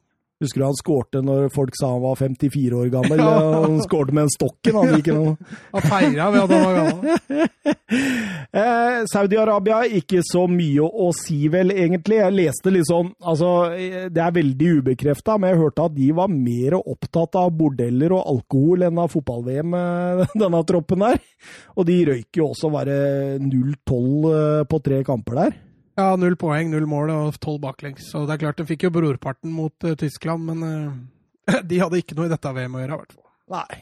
Fortjent at uh, Tyskland tar seg videre med Irland, egentlig, selv om jeg skulle ønske Samuel Eto fikk lov å spille litt mer. Ja, han hadde vært artig å sette videre, men det kamerunske laget der hadde ikke nådd så veldig langt i sluttspillet, tror jeg. Og med de ordene går vi over til gruppe F. Ja, Mats, for denne gruppen her, den blei eh, døpt Dødens gruppe. Ja, det er vel eh, by far det nærmeste vi kommer en dødens gruppe, tror jeg. England og Argentina var vel kanskje knappe favoritter. Og Sverige og et Nigeria, som vi har vært inne på, som imponerte i de mesterskapene før, som, eh, som Søren var inne på mens vi hadde pause her i stad, at eh, var gjennom et lite generasjonsskifte. Ja, for eh, Sverige, da, De skulle jo faktisk gå hen og vinne gruppa. Litt overraskende. Et knallsterkt svensk lag, egentlig, på papiret. Ja, altså, men altså, i, det var, i den gruppa her så blei det veldig tighte kamper. Det var ingen lag som vant uh, med mer enn ett mål. og Det var kun én kamp hvor det ble skåra. Det ene laget skåra mer enn ett mål. Så det var veldig tight, uh, tight gruppe, og Sverige trakk det lengste strået. Absolutt. Uh, Olof Melberg fra Aston Villa. Du har en Fredrik Jungberg i Arsenal. en en Daniel Andersson i Venezia og Tobias Linderoth, som Spilte han i Stabæk til slutt? Eller var, det var han spilte faren? i Stabæk, men jeg veit ikke om Var faren han hans som var trener, var det ikke det? Anders Linderoth var trener, ja. Og Og så Henke, ikke minst Henke Larsson, eller? Ja, han var med. Han var med. Han var med. Ja, men ikke Martin Dahlin. Martin, Dahlin. Martin Kanin var ikke med, og ikke Thomas Ravioli. Han var heller ikke med. Men Zlatan var med. Zlatan var med, Markus, 20. Al. Ja, Zlatan han, han hadde jo allerede rukket å gjøre seg bemerka i fotball-Europa han som 20-åring. Var i Ajax og Du har spilt ni landskamper allerede før mesterskapet, så ja. Ja, Han hadde vel allerede skåra det kjente målet hvor han hadde mot VVV Venlo, eller hvem det var han Ja. skåra, når han dro av 17 Ja, spillere 17 med én skuddfinte der. og Den er nydelig. Den Den er er nydelig. eh, fantastisk. Dette er vel 2002. Han gikk vel til Juventus i 2004, så dette er et par år før dette. Jeg husker at det var noe greier i forhold til dette mesterskapet, og jeg tror eh, det var snakk om at Real Madrid hadde lagt inn et bud på ham på 70 millioner eh, euro. Eh, men i ettertid så viser det seg det at det var bare Mino Raiola-påfunn for å øke verdien hans. så de, de, altså, de, altså, de har holdt sammen fanken fra han var guttunge. Vi kunne jo hatt en egen podkast om Zlatan og Raiola. Det hadde ikke vært noe problem. Zlatan doesn't do additions. Så enkelt Ja, nå, nå virker det jo som at dette koronahelvetet fortsetter i mange måneder til uten fotball. Da. Så kan godt hende vi kan kjøre en Zlatan Raiola. Spesial. Men et nydelig svensk lag, og de, de eh, møter jo England i første kamp. Eh, Sol Campbell header England i ledelsen der. Eh, Ja, Da var han din gode venn Sol Campbell. Eh, Da var han min eh, gode uvenn Sol Campbell, for å si det sånn. Åh, jeg, eh, men eh, Sverige kriger seg inn i matchen, og er veldig fortjent når de tar ledelsen eh, 1-1 med Niklas eh, Aleksandersson. Når du Eh, tar tar ledelsen, ja. Når du tar ledelsen 1-1. Det er helt nydelig. Da har du kriga godt, ass. Men, men det jeg tenker på, Mats, det er det at eh, Ja, fordi jeg, jeg blanda Jeg hørte med engelske kommentatorer, og rett før han Aleksandersson skårer 1-1 Vet du hva kommentatoren til England sier? Nei. Denne Niklas Aleksandersson hadde ikke kommet inn Han sier ikke på norsk, han sier det på engelsk. Med. Men han, han hadde ikke kommet inn på Englands fjerdelag engang. Nei. Rett Og før han skårer. Ja, og det er liksom rett før. Jinx, så det synger der, altså. Så det synger etter. Men øhm, ja, altså jeg syns jo Sverige er best utover, og den bør egentlig vinne denne kampen. Jeg syns Sverige overrasker Jeg må jo si de overrasker egentlig litt grann, positivt. Eh, Dette engelske landslaget var jo et fantastisk landslag. Kanskje et av de Ja, jeg vil jo si at det var eh, en av de store favorittene til å vinne hele mesterskapet. Hadde det ikke vært for at de var England, så hadde de kanskje vært de største favorittene. Og at Sverige henter poeng her, fortjent eh, sådan, det, det er sterkt. Ja, den øh, godeste Aleksandersson han skårer jo etter en kjempefeil av kanskje Englands svakeste ledd i den, øh, det laget, Danny Mills Mm. fra Leeds. Um, de går videre mot øh, Nigeria og vinner 2-1 der. Ja, jeg synes vi ser en liten tendens eh, på keeperposisjonen, dessverre. Det er både mot England og Nigeria at Hedman tar noen fryktelige dårlige valg i feltet. Begge ganger leder dem til, til baklengsmål, men eh, Sverige kjemper seg tilbake begge ganger. Men Hetman Hedman han eh, måtte skjerpe seg. Ja, men det Jeg mener jeg også gjennom min research hørte en svensk kommentator sa det, både om Ravelli i 98 og Hedman her i 2002, at Sverige har et kjempekeeperproblem på denne tida. Mm. Eh, kanskje de skulle bruke Kielstedt? Som, eh, han var vel trekeeper da, var han ikke det? Var han, han var ikke i Fula da? Eh, nei, han var ikke i Fula da, tror jeg. Han var i Fula i 97-98, han, tror jeg. Ja, ja. Mm. Og han var i Brann seinere, var han ikke det? Jo, han var i Brann Ja.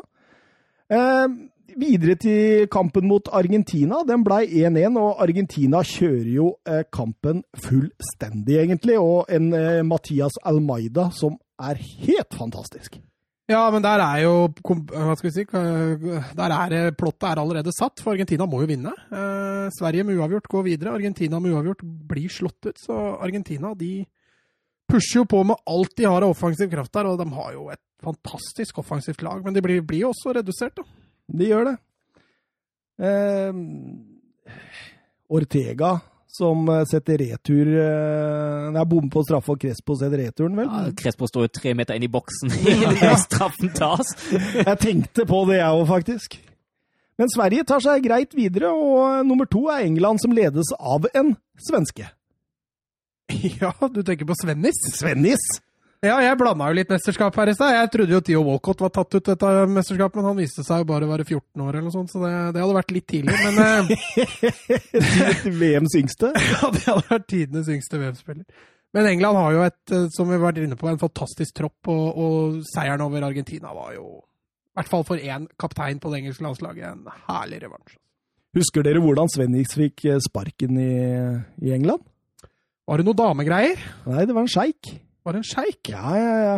Det var en Det var en reporter fra News of the World som gikk undercover som en fake sjeik. Eh, og fikk på bånd at Svennis ville gjerne si opp England-jobben sin for å bli Aston Villa-manager. Hvis denne sjeiken kjøpte opp Aston Villa, og han fikk hente Beckham for Real Madrid og gjøre ham til kaptein. Eh, dette likte FA svært dårlig. Har ikke Sam Allardyce gått i noe lignende seinere? jo, det, det, det, er vel litt sånn typisk at denne Men det, de engelske tabloidene er jo gift da for dette landslaget. Jeg skjønner ikke at de har lyst til å ødelegge så mye for landslaget sitt. Mm. Uh, en ung Ashley Cole uh, på Arsenal la jeg merke til. Stopper stopperduoen Ferdinand og Campbell. Fantastisk, egentlig. Eh, Campbell ble vel også All-Star-laget i Fifa, så vidt jeg så. Ja, og så hadde de en midtbane med, med Beckham og Scholes. Eh, Nicky Butt spilte seg vel litt inn i varmen der etter hvert. Uh, Teddy Sheringham, gode gamle, som begynte å bli. 35.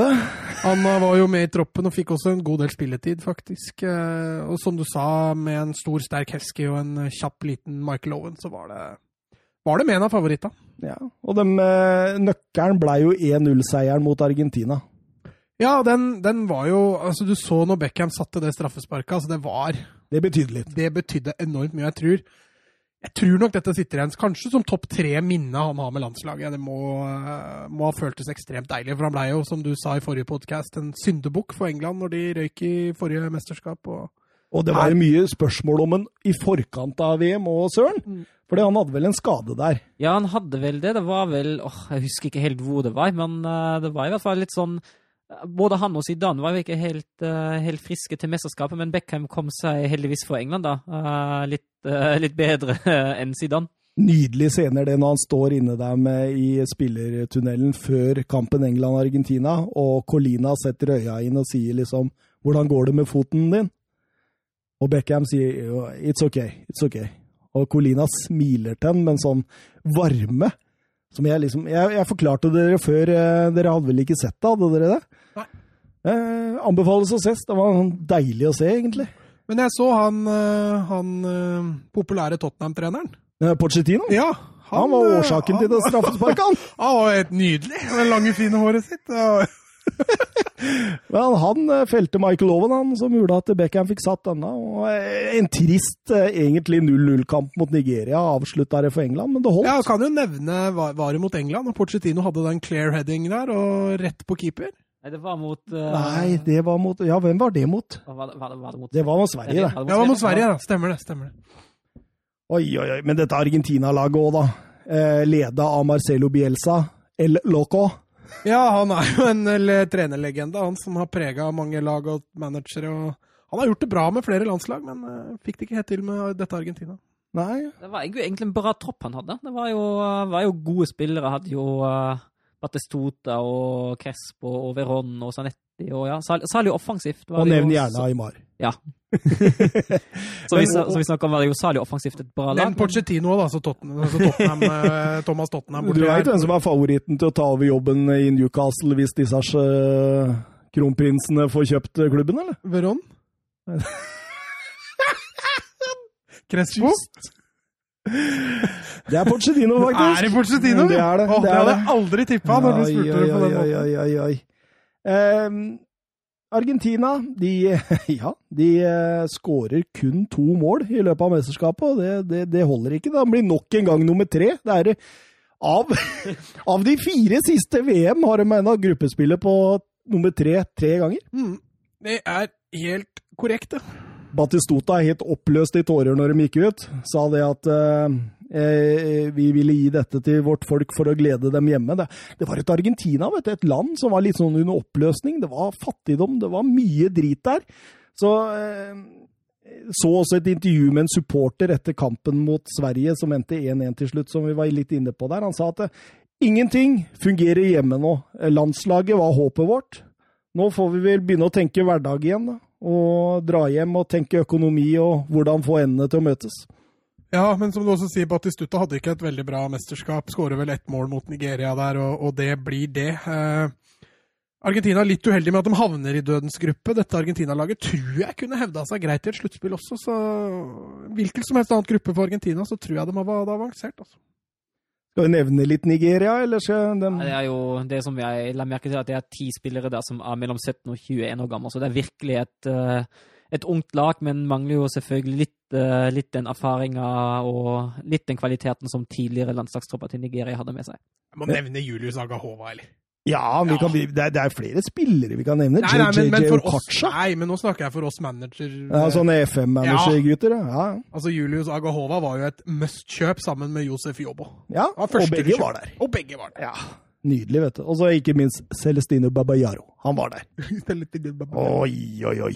Det, nei, det, det, var mye snacks, men det, de gikk ikke for uh, Nigeria denne gang. Tross imponerende resultater i både 94 og 98. Vi kan rusle videre, vi. Og da har vi vel kommet til gruppe G. Og i gruppe G der finner vi Mexico, Italia, Kroatia og Ecuador. Ikke, ikke en halvlett gruppe, det heller? Nei, eh, Italia skyhøye favoritter. Var jo en av de store favorittene til å vinne mesterskapet på forhånd. Eh, det er Sleit. en av de mest sexy bakre femmera jeg noen gang har sett, faktisk. Ja, sånn utseendemessig? Eller? Nei, spillemessig. Ja, for jeg tror jeg kunne godt skrevet det. du kunne skrevet på begge! jeg så det i øya dine der! Men altså, Buffon, Madini, Canavaro, Nesta og Sambrotta det er, det er, Her finner vi noe bedre bakre femmer i fotballen ever. Jo, men du kan ta spissen òg. Eller noe ah, mer sexy? Ja, altså Totti og Del Piero er ganske nice, det òg. Ja, du tenker fortsatt utseende? Å, dæken! Men uh, det var en uh, Filippo Ensagi der òg. Ja, men han tar jeg ikke med som Nei, sexy. Det gjør, det gjør, ikke det. det gjør ikke det. Men det er for all del en fantastisk fotballspiller. En fantastisk uh, god italiensk utgave, ledet av uh, Trapattoni. Ja, ikke habe fertig. han har en raserigreier under Bayern München. Ja, i 90, 90, 1998, da, da, han blir kritisert etter en kamp fordi både spillerne og pressen er vel uenige med lagoppstillinga. og så og så gønner han på på en pressekonferanse der han egentlig bare dukka opp og starta en monolog på på fantastisk fint italiensk-tysk. Altså, han snakker jo tysk, men uh, ganske gebrokkent, og det, det, blir formuleringer som uh, er fantastisk. Altså, Thomas Strunz får gjennomgå, og Ja, nei, det, den, den, anbefales virkelig å se på, å se på YouTube. Det tar sånn to minutter. Sånn. det er helt fantastisk. Men du, du, du har sett uh, på YouTube når Ståle Solbakken klikker på journalisten i Tyskland når han er i Köln? Nei, det tror jeg ikke jeg har sett. Nei, den må du i hvert fall se! Der er det nydelig tysk der.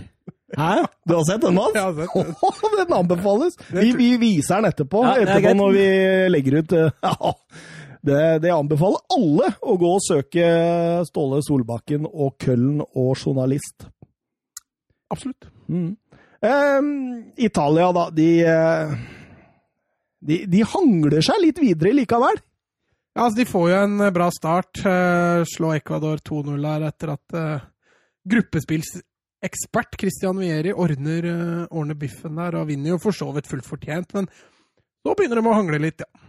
Ja, Tap mot Kroatia der, og tap Nei, uavgjort er det vel med Mexico, som gjør at de, de ender bare opp med fire poeng, og Kroatia hakk i hæl. Ja, Hva, altså målforskjellen? Nei, det var et poeng mer enn Kroatia og Ja, det var det. det. det var Fordi Kroatia ikke klarer å slå Ecuador. Helt utrolig, egentlig. Ja. Eh, Det kroatisk lag som eh, imponerte jo voldsomt i 1998. Ja. Som kanskje var litt, uh, litt over the top når vi tanker på altså folk som Prosinetski og Sjuka og Boksic og Soldo og flere andre begynte jo å dra litt på åra her. Niko Kovac. Ja, han var 30.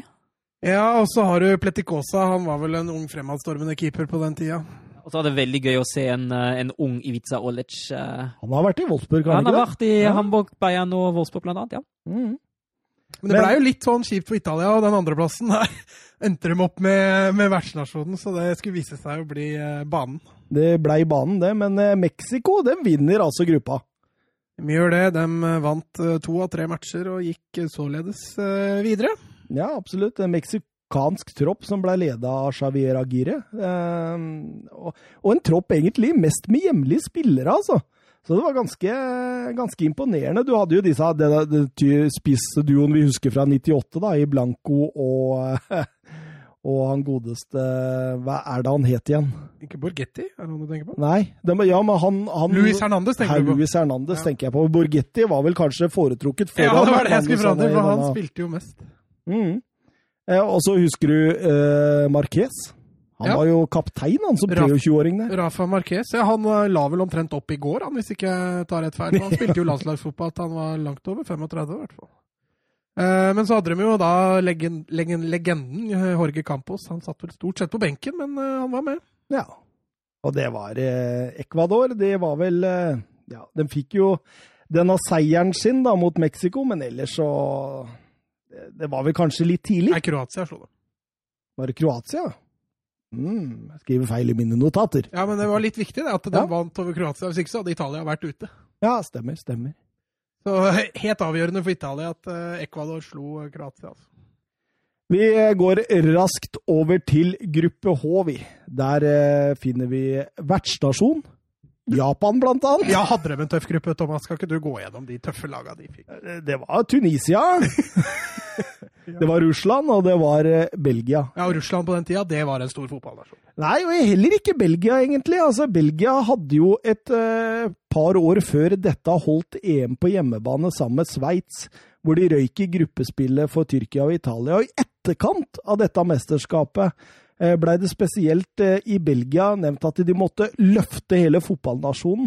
Utdanne trenere, få bedre anlegg, mer systematiske ungdomsarbeid osv. Eh, det betalte jo seg over tid, det har vi jo merka med de seinere generasjonene, men i 2002 så hadde jo ikke dette helt betalt seg enda. Nei, altså ser man jo også når man tar en, eh, en titt, på, titt på troppen. Det er vel uh, Mark Wilmot som, eh, som leder den gjengen der, og så er det en del uh, det, er ikke, det er ikke sånn supermye å skryte av. Altså, Van Boyten. ja, det, ja, det er van Boyten, ja. Men altså, for meg, når jeg, for meg når, jeg, når jeg ser at det er en Peter van de Heiden i den troppen som til og med får score i dette mesterskapet, da, da veit jeg alt. Fordi han skulle tre år seinere dukke opp i Wolfsburg og være noe av det dårligste klubb noensinne hadde på venstrebekkposisjon. Det var helt katastrofe. Boen Pensa, da. Ja, han, eh, broren hans var jo skada. Ja, stemmer. Så han måtte være der alene. Fikk han ikke spille heller. Men det er faktisk Japan som vinner gruppa! Ja, de eh, Jeg skal ikke si de levde opp til favorittstempelet, men i den gruppa der så var det vanskelig å finne en eh, favoritt, altså. Og da er det jo ofte greit med hjemmebane og alt det som med de fordelene der, da. Så drar de Altså, Japan eh, deltok jo for andre gang, men, eh, men eh, det, det, det var liksom Altså, det var ikke Sør-Korea, hvis du skjønner hva jeg mener. Nei, altså det, det mangla litt den der entusiasmen, var det du tenker på? Ja. Eh, og de lever jo her litt på Hadde de vært i gruppe i, med Argentina, Sverige og England, så hadde de jo vært ferdig. Hadde jo havna sist. De eh, går videre på at de er i gruppe med de de er i gruppe med, og flyter litt på det. Kan jo nevnes også at en seier mot Russland er særdeles heldig. Altså, jeg syns Russland er best, og Russland ville jo også nekta et straffespark der. Mm. Så de, var, de hadde litt tur, de òg. Absolutt. Du hadde, jo, Eh, de hadde jo et par kjendiser i troppen Japan òg, da. ja, stemmer det. Han eh, Nakakaka. Nakata, ja. De hadde jo også en, eh, en eh, han Ono. Hæ? Ono fra Feinor. Han husker jeg. Ono fra Freiburg. Ono. Inamoto var det jeg tenkte på. Inamoto, gamle Arsenal-greiene. han Han, tror jeg ikke har én kamp for Arsenal, faktisk. Han ble henta for trøyer og Asia. Det tror jeg er ganske sikkert. Vi sier ikke så mye om Russland, vi sier ikke så mye om Tunisia, fordi eh, Japan og Belgia tok seg videre, og vi gleder oss til å ta fatt på åttendedelsfinalene, vi. Og vi begynner med Tyskland mot Paraguay. En ganske kjedelig kamp, eller søren? Fryktelig kjedelig kamp. Jeg, mitt, best, mitt beste minne fra den kampen var at eh, det var en eller annen situasjon Jeg, jeg så på den kampen som som elleveåring og syntes den var fryktelig kjedelig. Skulle det være en eller annen eh, målsjanse til Tyskland. Jeg tror ballen havna i nettveggen ganske ufarlig skutt. Og så skriker kommentatoren at det blir mål. Og så sa han nei, beklager, jeg ville egentlig bare vekke dere litt her nå, fordi den kampen er så dårlig. Det hadde aldri Arne Skeie gjort. Så ja, jeg, jeg syns egentlig det sier det, det, sier det, det sier det meste. Altså, det er jo eh, det er jo kanskje Kampos som har kampens uh, største mulighet når han skyter fra 18 meter uh, i første omgang. Og så ja, er det Neuville uh, Nei, Schneider, unnskyld, som setter han rett på Chilavert fra 8 meter i andre. Og så kommer jo 1-0-skåringa til Tyskland rett på slutten, da. At Khan slår, slår en lang ball.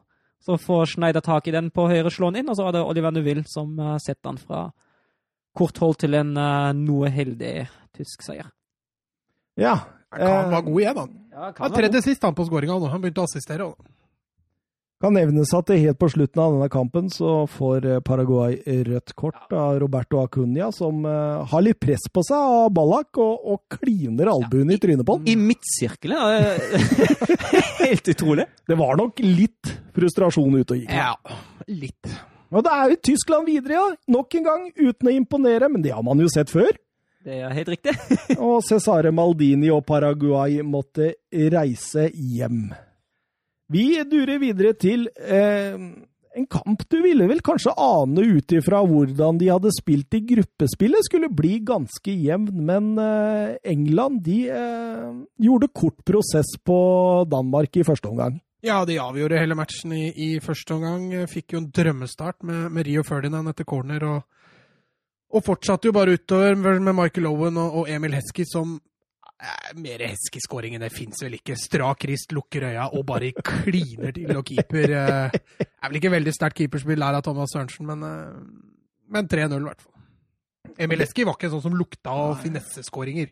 Men, men jeg vil si det at jeg syns David Beckham i denne kampen var absolutt fantastisk. Ja, to er sist. Ja, og, og helt uh, fantastisk. Danmark har noen forsøk utover i annen omgang der. De prøver, men du kan jo si at uh, England kontrollerte dette inn. Og da, når England da slo Danmark hele 3-0 og spilte såpass god fotball, da sank oddsen betraktelig for Englands VM-gull. Ifølge Ladbrokes fikk de inn rekordmange bet på at England skulle vinne VM da, og blant annet et bet på 100 000 pund. så så det, var no, det var noen som var ganske sikre på at nå Er ikke det typisk engelsk? da? ja, det er det jeg tenker på. Det var derfor jeg tok det litt med. For dette er jo typisk England. At én god kamp nå ja, nå, nå hadde de vært relativt solide i gruppespillet Ja, ja. men én god sånn eh, sprudlende kamp nå, da, da vinner vi hele greia. Og, det, og, og dette er også på et tidspunkt der en visste Brasil kom i kvarten hvis Brasil vant sin kamp.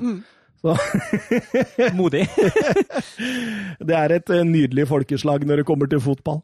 Eh, videre går vi til Sverige mot eh, Senegal. Eh, Senegal eh, vant 1-2 etter ekstraomganger. Ja, det måtte en eh, golden goal til der. Henrik Amara, som vi var innom tidligere, han, han gjorde strusen han etter at Henke Larsson hadde gitt Sverige ledelsen. Så snudde Senegal matchen. Ja, for Sverige åpner jo egentlig veldig bra. Og så er det Senegal som jobber seg innover i kampen. Og, og denne El Haji Diouf er jo helt fantastisk Ja, i denne han kampen. dominerer stort. Jeg må også nevne Zlatan, som kommer inn og får en kjempemulighet på slutten der. Velger å skyte istedenfor å spille. Eh, Jeg husker ikke, var det Anders Svensson som kom 45 grader ut der? Ja, stemmer Men- det. Allerede der så ser du Anders Svensson, eller hvem det nå enn var.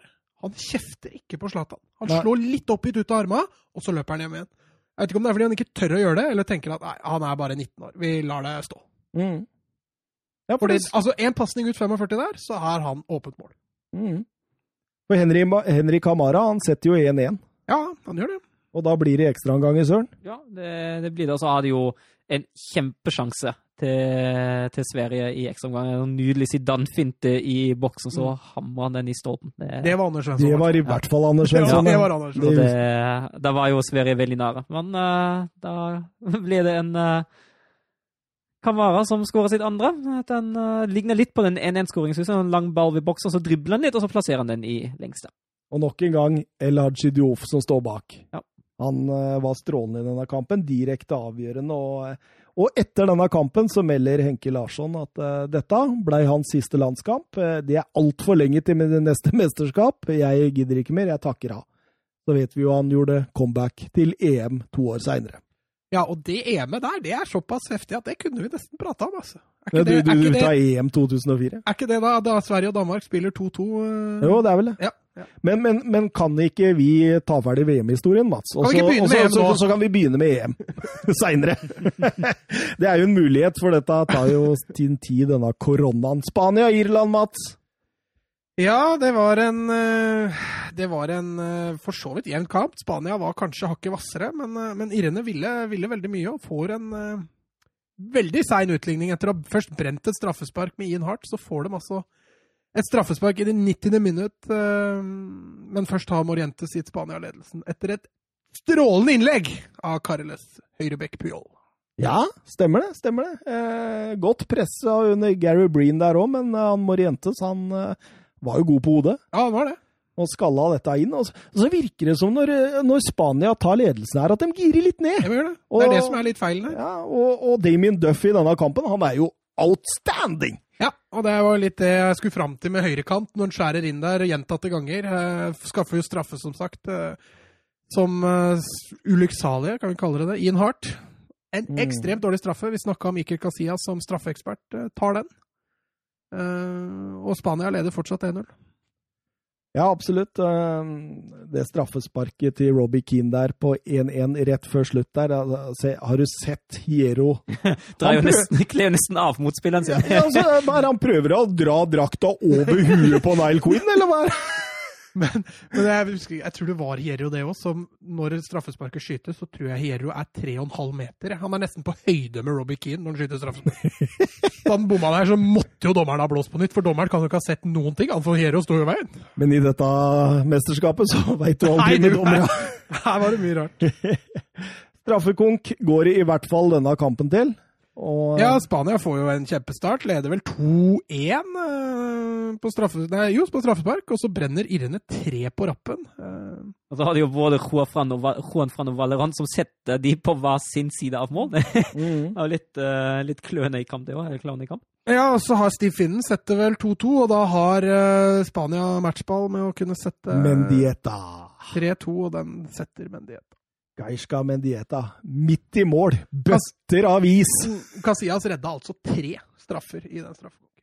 Ja, pluss uh, Pluss den i åpent spill. Det er nydelig, altså. Fantastisk. Mexico-USA, Mats. Ja, Mexico, som hadde et eh, i gåseøynene enkelt gruppespill, fikk det langt tøffere mot et USA-lag som uh, sprudla veldig. eh, og en Brad Friedley-mål som var strålende. Ja, og eh, altså, Mexico de hadde jo gira seg voldsomt opp til denne matchen. Altså, det var jo mot nabo-USA, eller Los Yankees, som de eh, kaller dem. Altså, det ville jo skapt enorm glede. Altså, det finnes jo fortsatt arr i folkesjela i Mexico etter krigen i 1848, hvor eh, Mexico tapte landområdene vi i dag kjenner som Texas og eh, California. Treårskrigen, som det ble kalt. Um, og man kunne se det på tribunen også, for dette vant jo USA. Og det var så mange tårer i det meksikanske supporter... eh, Det det var helt vilt. Ja, men jeg syns også det var relativt fortjent. Eh, USA og London Donovan, anført av London Donovan. Ja, var nydelig. eh, strålende. Altså, jeg, jeg syns jo Altså, det, altså Jeg syns jo USA er best i starten, men etter at eh, det er vel eh, Brian McBride som setter 1-0 der, så er det jo mye Mexico. Det er jo helt utrolig. Altså, Brad Friedel spiller jo en fantastisk fotballkamp. Han er jo helt nydelig. Han er en levende vegg i perioder. Ja. Og så rett eh, før slutt så får mister jo Rafael Marquez totalt hodet også. Ja, han føler vel ordentlig på trykket fra tribunen der og, og får direkte rødt, vel. Ja, så, så du hvordan han gikk inn på Kobe Jones? Eller både med albue og strakt bein? I et sånn Karate Kid-moment, liksom. Ja, Han gjør jobben skikkelig der. Ja, det, så kom, kommentatoren sa at det var både flaut og feigt. Det er jo et overfall, det burde gitt fengsel, sa han. Men eh, USA vinner eh, etter hvert eh, ganske fortjent eh, 2-0, og tar seg videre til eh, en historisk kvartfinale, må vi kunne si. Ja, de har vel aldri vært der, så da blir det jo historisk, da. det, det er vel det. Var det du Det er mente, vel det som er tanken bak det utsagnet, Mats.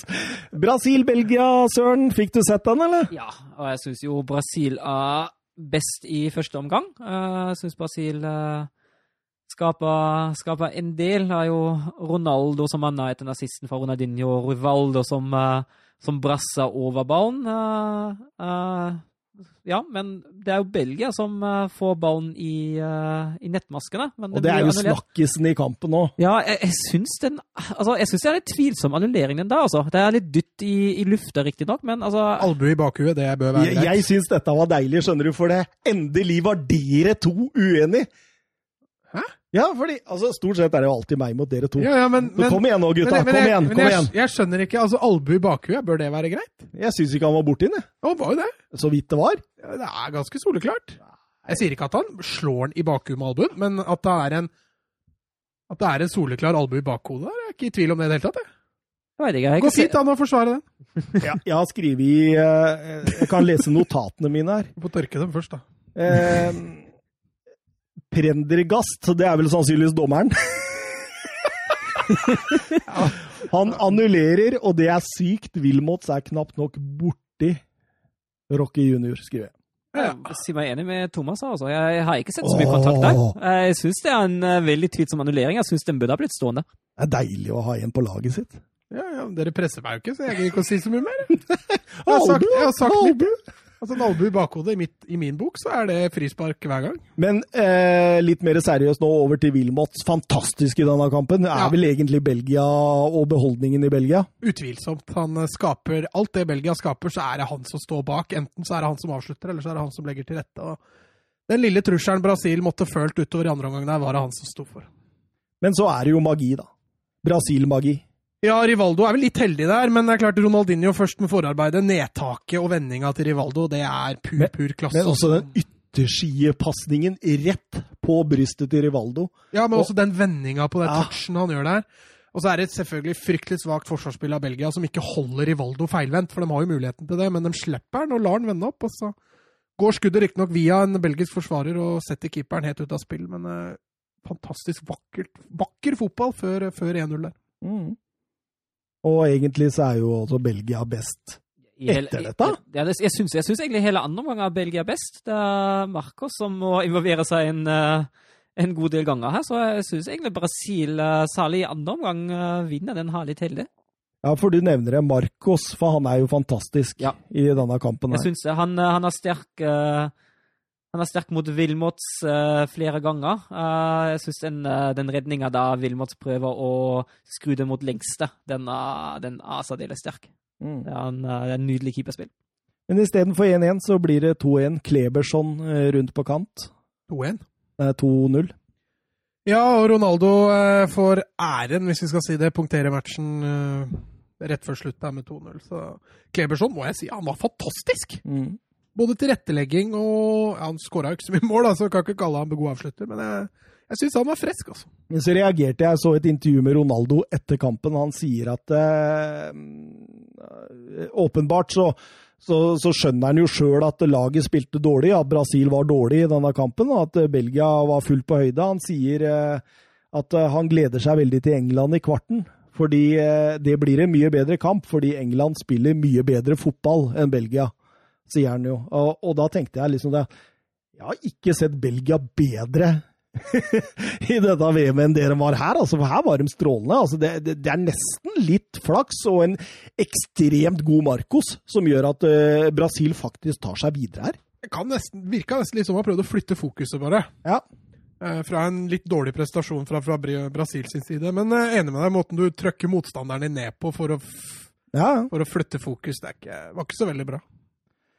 Japan-Tyrkia, Søren. Eh, Tyrkia hadde jo spilt eh, gruppespillskampene sine i Sør-Korea og var nødt til å fly til Japan. Det endte med en kjempeturbulens. Det. To ganger skal flyet ha falt flere hundre meter ned. Noen av spillerne måtte ha medisinsk hjelp. Eh, Det var dødsangst, og eh, visepresidenten i Tyrkia sier vi trodde alle vår siste time var kommet. Det er litt av en oppladning til Er det noen konspirasjonsteorier bak det, eller? Ja, Det er ikke godt å si, altså. Nei, men Kanskje det er Japan det som bare Jap- skapte turbulens. Var, ja, ja, men det kan ha vært en japansk pilot da, som tenkte at eh, la oss eh, La oss slå av flyet her. skru av, skru, vi på, ja. skru av tenninga litt. Kamikaze-pilot, er det det? Japansk kamikaze-pilot? la vi disse tyrkerne få kjenne litt på livsgleden når vi er ferdige her. Ja, men eh, det er imponerende at det gikk så bra som det gikk i kampen, da. Eh, ja, det var jo Ja, det, det er jo eh, Det er jo Tyrkere vi, viste jo egentlig underveis i kampen her at de hadde rista av seg dette flysjokket, for de var jo egentlig eh, Japan fullstendig overlegne.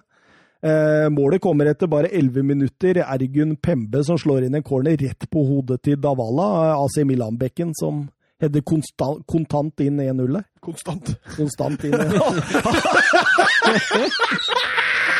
Det er snart 20-0 her nå, for han, heter ennå! Ja, men det blir bare 1-0. Det blir bare 1-0. Nei, men det var jo et forferdelig markeringsspill av Japan der. Altså. altså, det er to tyrkere som kommer helt ledig inn. Er, eh, skulle ikke gå an i en VM-åttendelsfinale. Og... Men det så ut som Japan kjørte sone på markering på defensiv dødball. Det, det funka ikke. Din japanske trener, franske Philippe Trosier, sa så, så, så treffende Eventyret er over. Ja, det var det. Tyrkia videre, og siste åttendedelsfinale. Kanskje den man kan snakke mest om, eller? Ja, her også er det Og her har det vært diverse konspirasjonsteorier ute og går, altså. Vi snakker Sør-Korea-Italia. Vi snakker Sør-Korea og Italia, og, og her er det bare å gosse seg på YouTube hvis du vil ha, ha diverse bilder som eh, hinter om at eh, dette var kjøpt og betalt. Men eh, de får en straffe etter fem minutter, Sør-Korea, og den er korrekt. Ja, altså jeg, jeg, når jeg sitter og ser den kampen her, nå hopper jeg kanskje litt fram, men jeg, selvfølgelig mye av det er kontroversielt og merkelig dårlig dømming, men eh, noe av det er eh, også Vi, vi må ta dette eh, fra topp til slutt, tenker jeg. jeg tror, for dette her er jo noe av nøkkelen for VM i 2002, egentlig. Noe av det som blir snakka mest om. Mm. eh, Sør-Korea får straffe etter fem minutter. Den er korrekt, for Panucci river jo nesten i stykker drakta til Sol der, etter en dødball. Med Buffon redder mesterlig ned i hjørnet og henter den fra annen der. Eh, Christian Vieri har noen sjanser i løpet av kampen, men eh, Og eh, han får jo også skåringen sin etter bare 17 minutter, og Italia tar ledelsen. og Da er jo alt som det skal være, egentlig. Ja, det var etter en dødball. Ballen går vel via en sørkoreaner og i mål, men eh, Vieri får den kreditert, i hvert fall. Ja, og så, og så, så går jo kampen utover i første omgang, og det er ikke så veldig mye annet som skjer. Altså, det, det er litt sånn tjuvtriks fra begge lagene. Litt stygt. Men, men ikke noe Altså, dommer eh, Byron Moreno han har mer enn nok å henge fingra sine i. Men ikke noe verre enn liksom du har sett mange ganger tidligere. Eh, Så kommer annen omgang, og, og publikum løfter jo Sør-Korea voldsomt. Eh, eh, Italia er nok noe hakket hakke hvassere i banespillet, men det er, alltid, det er veldig sånn intensivt, veldig nerve i kampen. Du kjenner jo veldig på det. Eh, og du ser jo også at Sør-Korea sliter veldig med fysikken til Christian Vieri. Eh, spesielt i overgangene. Eh, og så kommer jo den situasjonen hvor han godeste Shun Shun Li sparker Maldini i hodet. Ja. Den er så stygg, den. Den er ordentlig fæl, og ballen er liksom tre meter unna også, så det er Han kan ikke skylde på det heller, at han prøver å ta ballen. Det er soleklart rødt kort. Mm. Og dommeren bød serie i forhold til posisjonen han har. Altså, hadde det vært VAR, så tror jeg den hadde blitt tatt. Ja, det, han hadde jo fått fengsel. ja, for det, altså, ballen er jo ikke der. Han, han sparker den i huet, og du ser nesten med ansiktsuttrykket hans at han er irritert. Mm, og du ser også Maldini får veldig vondt, men Ja. han kan ikke legge seg ned når ballen ligger fri inni seg. Så han må prøve å reise seg opp, og du ser han har det vondt. Ja, det er, Så det er jo første skandalen, at han ikke ryker, egentlig. Eh, Eh, Så synes jeg jo at Italia blir voldsomt feige.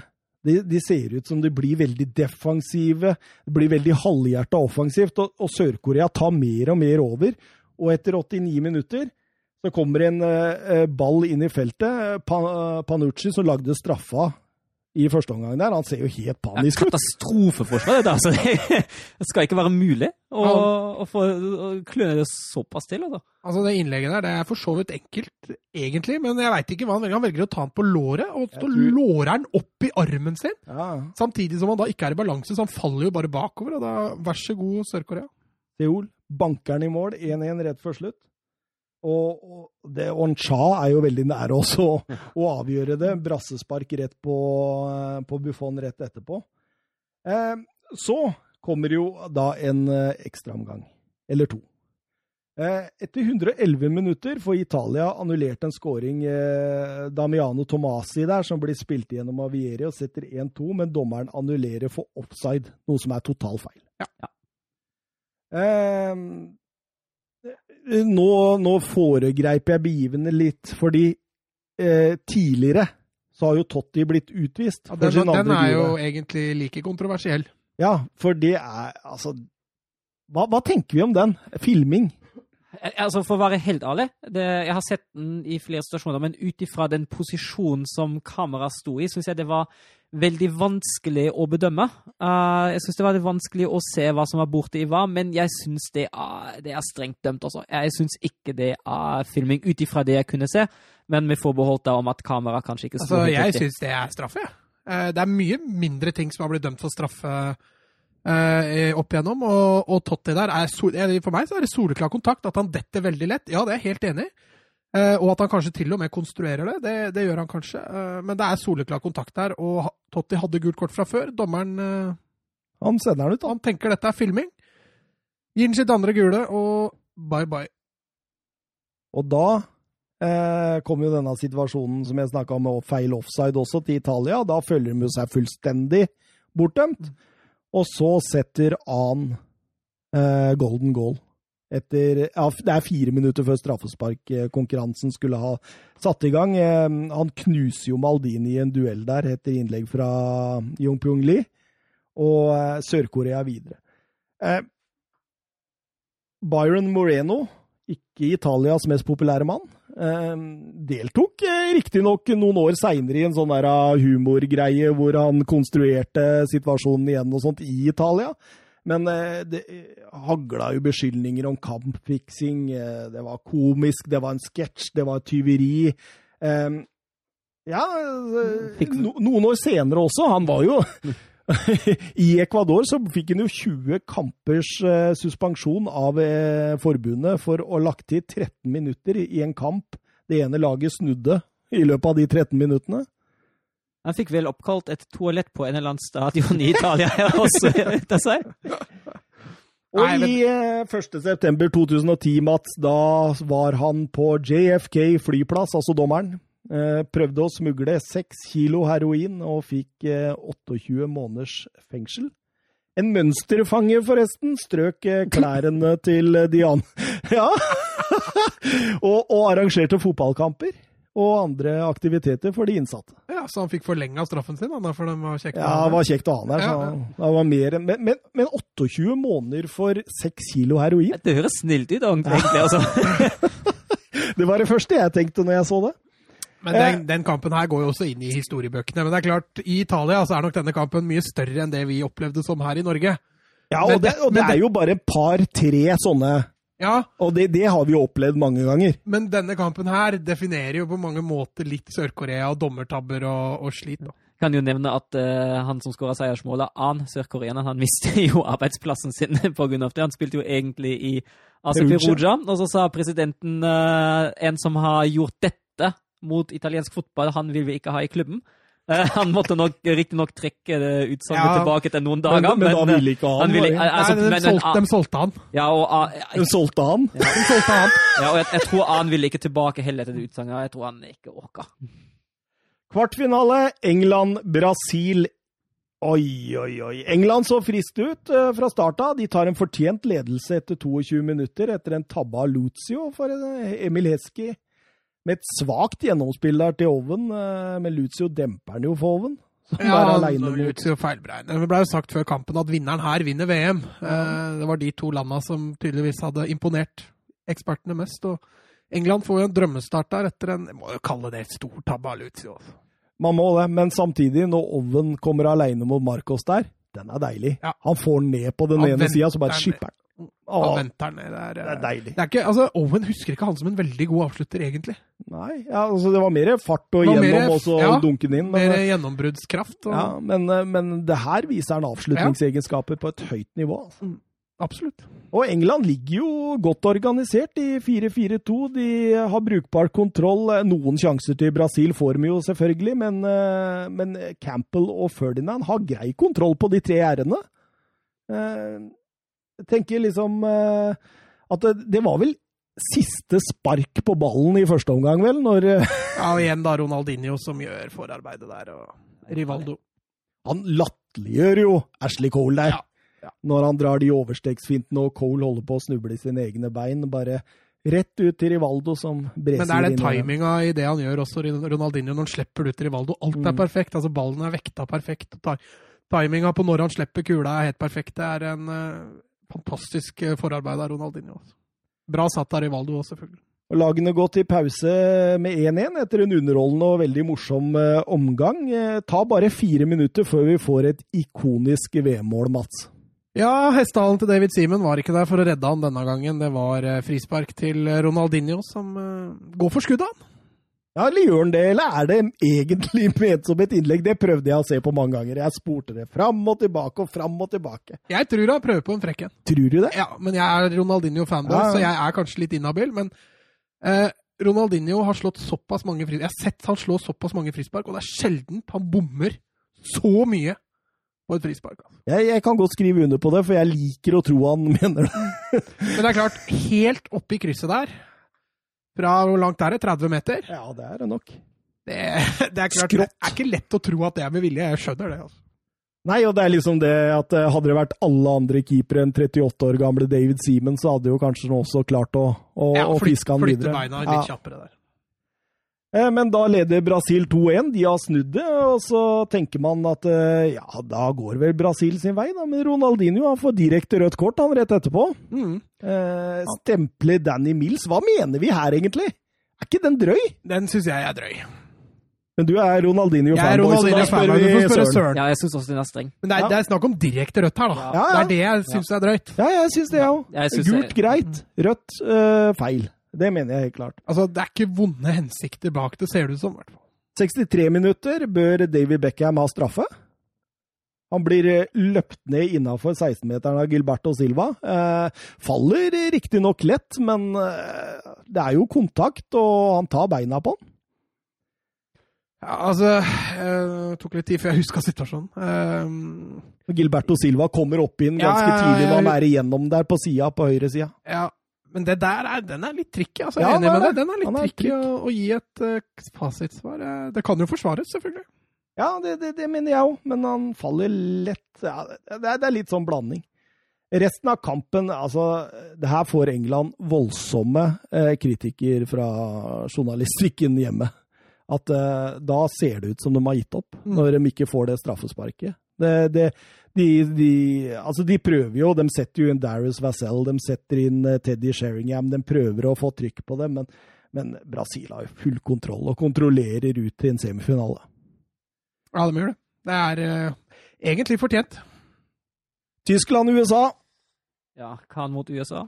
Khan mot USA. Ja, det var jo uh, enveiskjøring av USA. Det er Khan som uh, vært opp med flere fantastiske redninger. Jeg syns særlig Claudio Reina er fantastisk i den kampen. Han styrer og, og nå står bak det aller meste som, som USA skaper. Men uh, stopper som regel hos Khan, og så er det fem minutter før pausen at Ballack hegder inn et korridorfrispark av Tiger til en særdeles ufortjent tysk ledelse, 1-0. Og så en litt omstridt situasjon ti minutter etter pausen òg. Da havna vel ballen eh, i hånda på Frings, som står på målstreken. Og da kunne det veldig fort ha blitt uh, At det ikke er straffe, det er like stor skandale ja, som det Italia ble utsatt det, for. Det burde ha blitt straffe og rødt kort. Endte ikke det opp med frispark utover? Jo. Ja, for de kan eh, de, altså Etter den situasjonen havner ballen hos Khan, og Khan blir da De sparka angrepet. i handa, Ja, ja, ja. Og, ja. Altså, de frispark isolert sett det er helt greit, men uh, det, med tanke på det som skjer på forhånd, da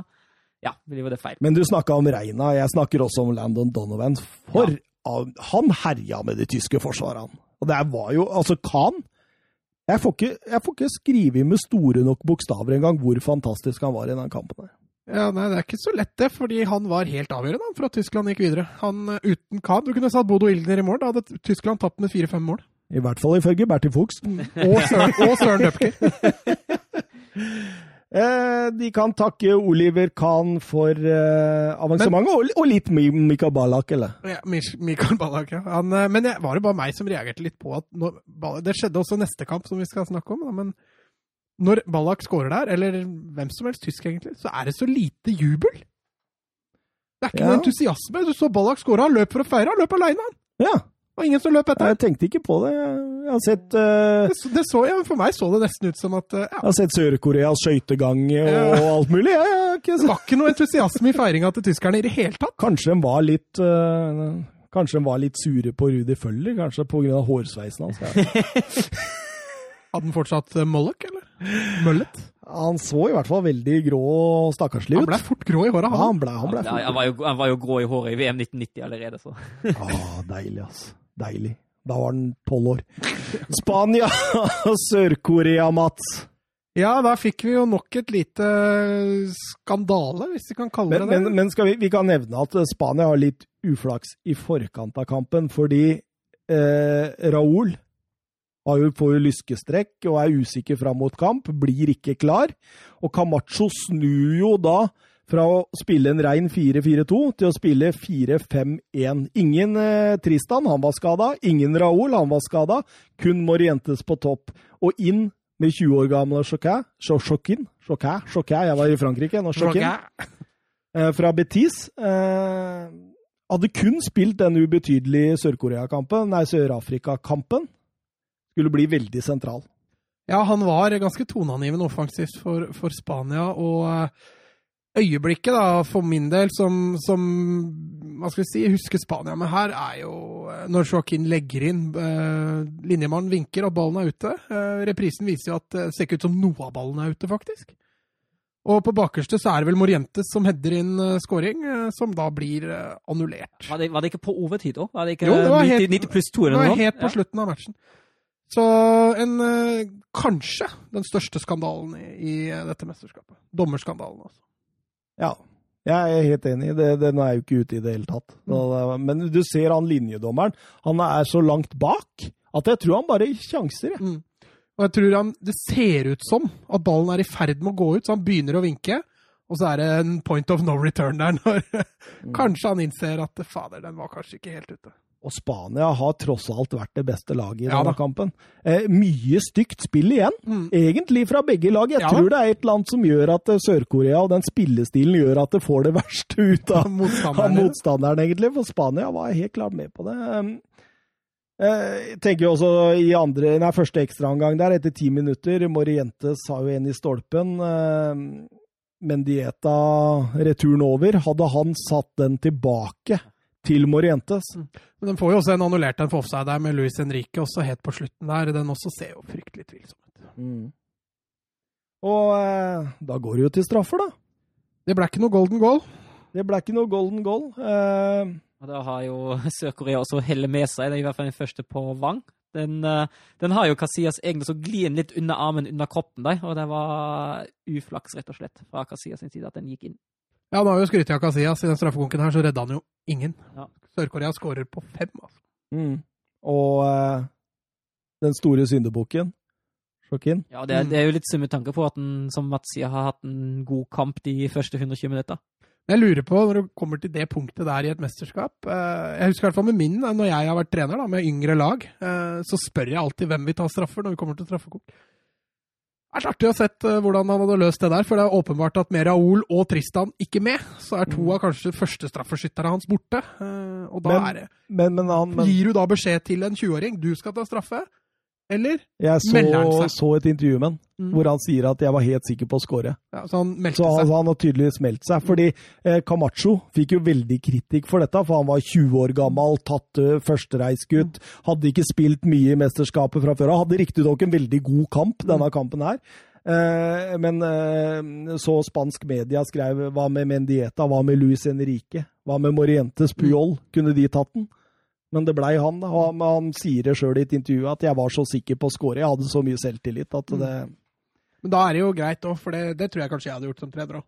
Camacho var ganske klar. Vi er et, nok et offer på en skandaledømming. Eh, De eh, hadde hellet mot seg med dobbera mot Portugal, sa han. De hadde hellet mot seg mot Italia, Mm. og de har hellet med seg igjen nå. Eh, siste kvartfinalekamp, Senegal-Tyrkia. Ja, Tyrkia, de det var vel de to største overraskelsene som var i kvartfinalen, som fikk lov å møte hverandre. Og Tyrkia hangler seg videre. Ja, det måtte en golden goal til, da. Ja, fordi det, det, det, kampen her det, altså, eh, Tyrkia er jo best. Eh, Det virka som mye av på en måte det som Senegal hadde stått for, og det som vi blei så imponert over tidligere, det var litt borte. Det var som om futtene hadde gått litt ut av dem. Ja, men dette var et langt mesterskap for Senegal, og de hadde jo gått kanskje en runde lenger enn det de hadde turt å drømme om. Så at de begynte å bli slitne, det var ikke så veldig rart. Eh, hadde de møtt et litt mer sprudlende lag, eh, kanskje ikke Tyrkia, men et litt mer fotballfaglig lag, så kan det hende de hadde tapt enda mer. Også, for det var, det var litt flatt. Bastyrk og, og Tugay på midten styrte det hele. og Det var veldig fortjent når en bare tre minutter ut i første ekstraomgang satte 1-0. Ja, absolutt. Tyrkia burde egentlig ha skåra før. overgang der. Davala, Anas Milanbeken der som er rundt på, på hjørnet der, legger inn mot innbytter Mansis. På ett touch smeller han ballen i mål. Det er en fantastisk avslutning. Ja, og, men som vi har vært inne på, Hakan Suker burde ha to mål i løpet av den kampen. der. Hassan Sa spiller også en strålende match. Altså. Og da går vi til semifinalen, da, gutta. Ja. Tyskland igjen, Søren. Sør-Korea. Uff, ja, det, den, eh, den var gøy å se igjen, ja. Mm. Ja, men det, det var det. Nei, eh, det var jo en eh, Altså, det er jo en jevn kamp, men Sør-Korea som har den største sjansen i første omgang, allerede etter åtte minutter. Da Cha, eh, sønnen til Dori Cha, sønnen til Bom Kun Cha, legger 45 tilbake mot Lee, og han skyter da ballen uh, mot lengste. Men Oliver Kahn er nok en gang i gang med en strålende redning, og så skjer det egentlig forholdsvis lite i resten av første omgang, og så skjer det ikke sånn supermye uh, i andre omgang. Kjedelig det, kamp. det er noen halvsjanser her og da, men det var det hele. Altså det, det mest nevneverdige som skjer før scoring, er jo kanskje etter 70 minutter. Da Lee danser rundt Ramelå, og Ballak feller ham eh, rett før 16-meteren og får sitt andre gule i turneringa. Det var kynisk. Det var kynisk. Det er riktig gult kort, det, altså. Det er det. det, er det. Så er det jo selveste altså Ballack eh, fem minutter seinere. Da det er en overgang, og Neville får ballen og utnytter rommet på høyrekanten godt. Og så legger han inn eh, 45 mot Ballak, og Lie redder først godt, og så har han ikke sjans mot returen. Det er litt, jeg er glad de er kvitt den regelen altså, med to gule i semien. Mm. Du ser på Ballack der idet Ja, han får det- det gule, han veit at faen Tyske, Mm. tyske, Bild, eh, tyske Bild skrev etterpå om helten som fikk uh, gråtekrampe i garderoben. Vi husker jo Gascoigne sine tårer. Ja. Og det er litt samme med Ballack her nå. Og så er det jo jækla kult at det er han som sender Tyskland til, eh, til finalen, men uh, sikkert vanvittig bittert for Ballack å måtte se den. eh, For han var jo kanskje, eller han var, Tysklands beste offensive spiller i dette mesterskapet. Ja, jeg leste også det var eh, eh, En av disse legendene, husker ikke hvem, om det var Cruyff eller Beckenbauer eller hvem det var som var veldig glad i å uttale seg, som sa det at eh, Tyskland har faktisk kun én spiller som er verdensklasse, så ute på banen. Altså Da tenker han ikke Kwan, det var selvsagt, men det var Ballak. Mm. Eh, det var Tysklands eh, VM-sluttspillseier nummer 50, faktisk. Var det det, ja? Mhm. Spennende. Den andre semifinalen, Brasil-Tyrkia. Ja, og da ble det litt, eh, litt andre toner fra Roberto Callas før kampen. Det gikk fra det holder med 40% til semifinalen mot Tyrkia. Den blir vanskeligere enn finalen. 110% der, alt ja, med Brasils store favoritter, selv uten en eh, suspendert eh, Ronaldinho. Det var Edilson som eh, kom inn, altså Edilson Diaz Batista. Ja, ikke Edmilson, nei. Nei. Eh, kom inn. Mange håpa jo på det, Nilsson, Mm. men eh, det skjedde ikke. Ronaldo med ny sveis for anledningen. Ja, han Den slo ikke helt an, den. Nei, det gjorde ikke det. Det var ikke så mange som kopierte den. Har du sett den eh, som går viralt nå for tida, om han faren som eh, skal klippe sønnen sin? Og så bruker han dorull, eller? Nei, nei, nei, han, han skal klippe Sønnen spør om han kan få Ronaldo-sveis, altså eh, Cristiano Ronaldo, ikke Ja, sant? så klipper Så klipper faren hans sånn, og så sier han det er bare én Ronaldo. Sønnen er så skuffa. Eh, Men første omgang Brasil best. Eh, Tyrkia med på notene, for all del, men det, det er jo Brasil som rader opp sjanse etter sjanse, og Rekbe Rushtu, han var fantastisk. Ja, og han uh, fikk jo passet sitt påskrevet han etter den kampen der, og blei jo seinere henta til, eh, til Barcelona, som eh, igjen skulle bli en uh, svak signering av Barcelona, riktignok. Men i den kampen her så var det strålende. Ja, han redda jo det som kom. Mm. Rett og slett. Var helt fantastisk. Og det er jo han som holder dem inne i matchen, men fire minutter ut i annen omgang så gjør Ronaldo 1-0. Ja, det gjør det sjøl, og den, den tuppen i målet her, det kommer uventa på Rushtu, og hele Tyrkia forsvarer der, og det, det er verdensklasse som, som gjør det. Det er verdensklasse. Det er helt strålende. Og det, det er så deilig, for du ser at når han vender og setter fart Det er, det er null frykt, det er null eh, konsekvenstenking. Det er bare Den skal i mål. Mm. Og, og, og, og så løsningsorientert når han bare tupper den. Og du ser det kommer overraskende på Rushtu, for han reagerer så seint. Han, Mm. han forventer ikke den tuppen der i det hele tatt. Nei. Eh, Kampen åpner jo seg veldig opp etter dette. Tyrkia må fram, og, eh, og eh, Brasil får mye overganger. Ja, for mye rom. Litt rart at de ikke er en Ronaldinho på banen der, så hadde det vært Ja, absolutt. Ronaldo gjør et bytte, kjenner en antydning til strekk. mm. Tenk hvis han har gått glipp av den VM-finalen. VM-finalen. Mm. Ho, ho, ho, da spiller Brasil faktisk en sju-åtte minutter med spissduoen eh, Edilson fra Cruzeiro og eh, Luisao Goulart fra Gremio. Eh, før førstnevnte bytte med Denilson. Det er litt sånn Brasil i en semifinale med det spissduoen er, det, når de har det de har. Det er ganske sjukt. Eh, Tyrkia best mot slutten. Brasil farlig på overganger, men de rir av, og eh, det blir finale. Tredje finalen på rad. Sterkt. Kafu med i alle. Ja, veldig Det har vi vært innom. Og eh, Brasil-Tyskland i finalen. Skolari sier eh, vi hadde forventet å vinne med flere mål, men det skjedde ikke. Tyrkia er sterke, og jeg vil sende gratulasjoner til Tyrkia for et fantastisk mesterskap. Det er lett, Det er å, være, å si. det er lett å, være, lett å være sånn når du har vunnet. Eh, Bronsefinalen den snakker vi ikke om noe særlig, fordi det er eh, dølt. Er vi ikke enige i det, alle sammen? Jo, kanskje nevne at Sjuke skåra VM-historiens kjappeste. Ja, Det, det gjorde den. Ja, så det kan jo en rekord, så det er jo greit å nevne. Og. Tyrkia vant, da. Vi kan. Vi, vi kan nevne at Tyrkia slo Sør-Korea 3-2. Eh, tror også fotballverden synes det var greit etter all dommerhjelpa, eller? ja. Og Tyrkia unna det litt, dem i det mesterskapet der. For det var litt sånn Kroatia i, i 98. Mm. Og kvartfinalehenten Mansis, han skårte to av målene. Det er den eneste kampen han starta i mesterskapet. Ja. Mm. Så over til der grande finale. Tyskland? Ja, jippi.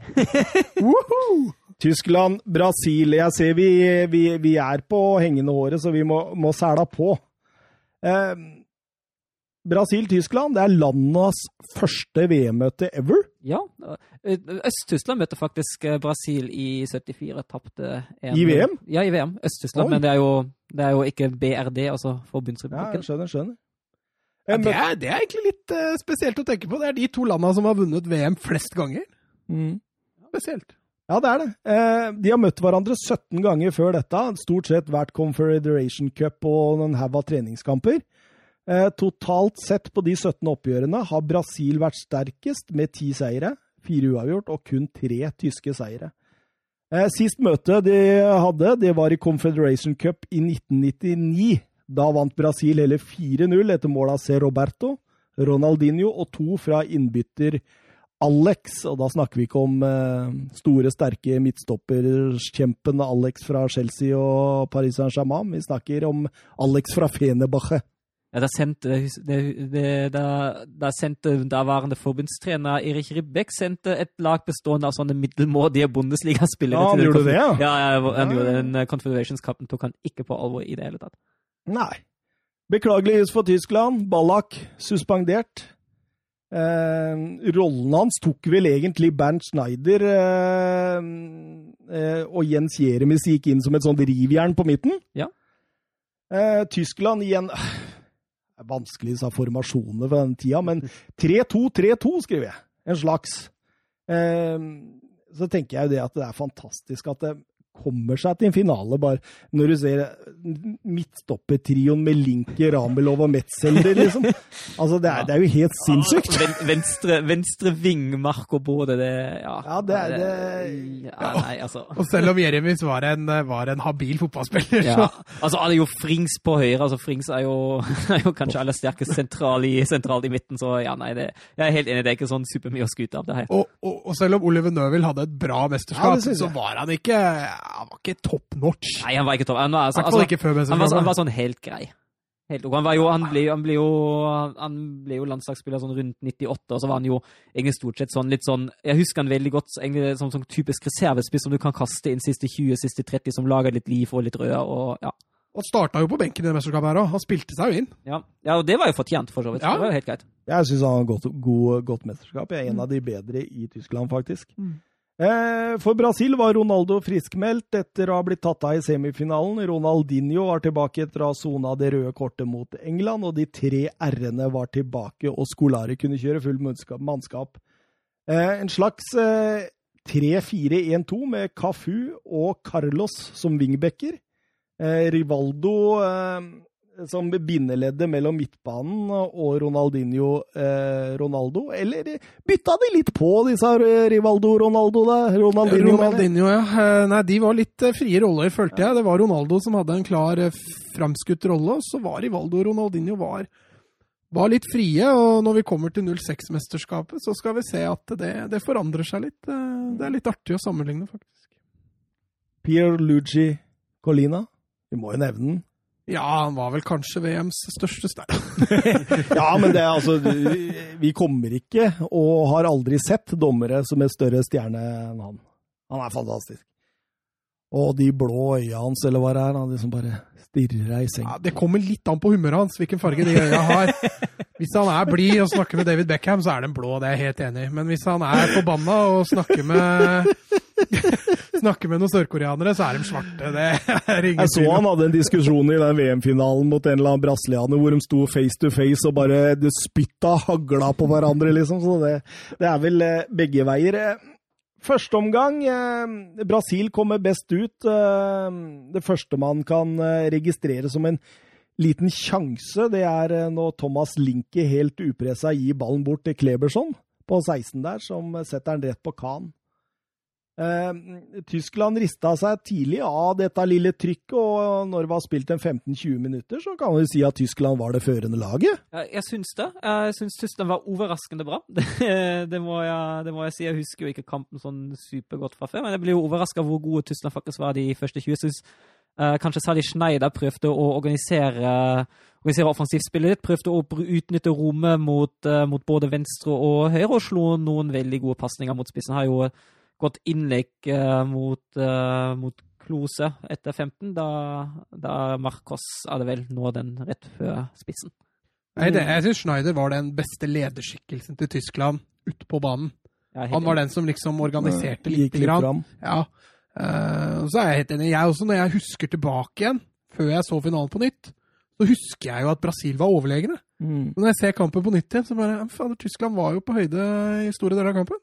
Og jeg tenker, siden vi begynner å gå litt tom for tier nå, så tenker jeg at vi, vi, vi går ikke sånn hovedkampsmessig at vi tar sjanse for sjanse og går direkte, men vi, vi snakker bare litt om hvordan kampen forløp seg, tenker jeg. Altså, fordi etter å ha gått en rundt 20 minutter, eh, så får jo Brasil en kjempekjanse der når eh, Ronaldinho får ballen rett foran de tyske stopperne og trer igjennom Ronaldo der. Ja, det er kreativitet og Men, men hva gjør Ronaldo i avslutninga? Ja, det var, det var svakt. Rett. Men det, det var jeg, tror, jeg tror nesten han får altså litt sånn, Jeg tror ikke han helt veit sjøl hva han skal gjøre der. For Han ender bare opp med å stikke fram tåa. Det, Men u, resten ut her nå er jo Brasil-Brasil, altså i forhold til altså, Jeg syns kampen var jevn, men du ser at eh, kvalitetene i fremste del Ja. i Brasil er så mye bedre, da. Ja, jeg er helt enig. Altså, jeg syns Tyskland lyktes egentlig ganske ålreit med å i hvert fall første omgang ta ut Rivaldo. Han var ikke særlig synlig, men uh, det hjelper ikke nå. De to, to andre r-ene der oppe blir, uh, blir likevel synlige. ja, Kleberson var ganske Ja, Kleberson- frisk, han òg. Jeg syns Kleberson var veldig bra i, i begge retninger. Er Manchester United-floppen. Jeg synes han, han er god i det defensive arbeidet, uh, og jeg syns også han er veldig viktig for det offensive å støtte spillet og støte opp mot, eh, opp mot boksen. Og Men etter å ha sett han i det VM-et der, så skjønner jeg at United kjøpte den. Ja, du gjør det. Jeg gjør det. Han, han spilte jo Det var jo egentlig eh, Middlesbrough Juninho som hadde den plassen fram til kvartfinalen. Ja. Og fra kvartfinalen og ut så var det Kleberson. Men, eh, men jeg er helt enig med dere, gutta. Og jeg, jeg syns jo altså, at Tyskland er fullt på høyde. Det, det, det som skiller lagene altså fordi Tyskland har jo ikke en eneste sjanse i åpent spill. Og det handler jo om den kvaliteten som er framover. Den, de har ingen Ronaldinho, de har ingen Ronaldo, de har ingen Rivaldo. Eh, og Kleberson, for den saks skyld, som var veldig bra i den kampen der. Jeg er helt enig. Men, men også, du ser også på midtbaneleddet. da, Du ser en Ed Milson og en Silva. da. Og så ser du Tyskland som har Haman. Altså, det er, altså, ja, det er ikke for å le av Haman, for han var en bra fotballspiller. Men det er mye armer og bein med Haman. Altså, og Det er ikke noen sånn diktere tempo kampen-spiller. Han Ja, altså, altså ser du, du ser det også ganske tydelig på altså Hvis du ser hvordan for eksempel, Ta den sjansen Ronaldo hadde etter 20. Da Da stikker, stikker Ronaldo. Perfekt timer. Perfekt timer pasning av Ronaldinho. Alt klaffer, unntatt avslutninga. Og så prøver, prøver Schneider på den andre siden å slå et innlegg, og så stemmer, stemmer enten timinga på innlegget, stemmer ikke, enten så, eller så stemmer ikke løpet. Men derfor er ikke de tyske spillerne, de tyske spissene, nå ikke fram først til ballen heller. Og det handler jo også om samspill. Det handler om uh, hvordan du timer det. Det handler litt om hvordan du utnytter rommet som ligger foran deg. Da syns jeg rett og slett de brasilianske spissene er betraktelig bedre, særlig Ronaldo, enn uh, Men tyskere. je- det hadde jo blitt atskillig mer interessant hvis vi hadde hatt en ballak på banen. Ja, det tror jeg jo. Eh, så går det jo til pause, da. 0-0. Eh, Brasil har hatt de største målsjansene, men eh, spillet som sagt veldig jevnt. og... eh, Kleberson har vel en greie i I tverrleggeren. ja. ja men altså, altså det, det mangler jo ikke på brasilianske sjanser. Ronaldo kunne skåret hat trick. Ja. i store- mest, Han har tre store sjanser. Eh, men annen omgang der så åpner jo Tyskland best, egentlig. ja. Ja, og så fungerer faktisk dødballen. Det er jo Jeremy som uh, kommer til en sjanse etter, en- etter et hjørnespark av Schneider, og så er det Neville uh, De er fra 237 meter, Ja, det er jo, altså! det er jo helt sikkert. Med utsida, av Ja. Roberto Carlos spesial. Altså, altså må jeg rose uh, Marcosa. Det er, en, det er en strålende redning at han faktisk får en hånd på den og redder den i stolpen. Altså, det, det, var, det var et ekstremt godt frispark. Men så kommer det to ting som jeg virkelig har lyst til å ta opp. Eh, sak nummer én. Soro, så dere Balotelli-øyeblikket til Edmilson? Ja, med, drakt, med drakta. Det var, det var flere enn bare enn bare dommeren som lo av Anna. Hele publikum, ja, ikke hele publikum men Ja, så seg. du Colina. Altså, må bytte trøye.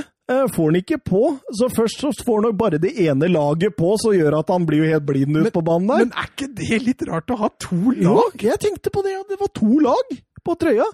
Og så tar han jo på feil vei, så han får Edmilson foran. Det blir bare kål.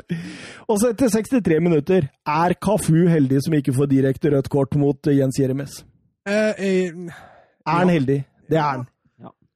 Der burde Colina kanskje ja, Han fikk jo ikke gult kort engang, Nei. men det tror jeg har litt med at også Jens Jeremis gikk kraftig inn der. mm, Eh, at han kanskje tolker det dit hen at det var to stykker som gikk men, At det er 50-50. Ja, men Kafu er jo med knottene. Mm. Jeremis tar jo ball. Ja.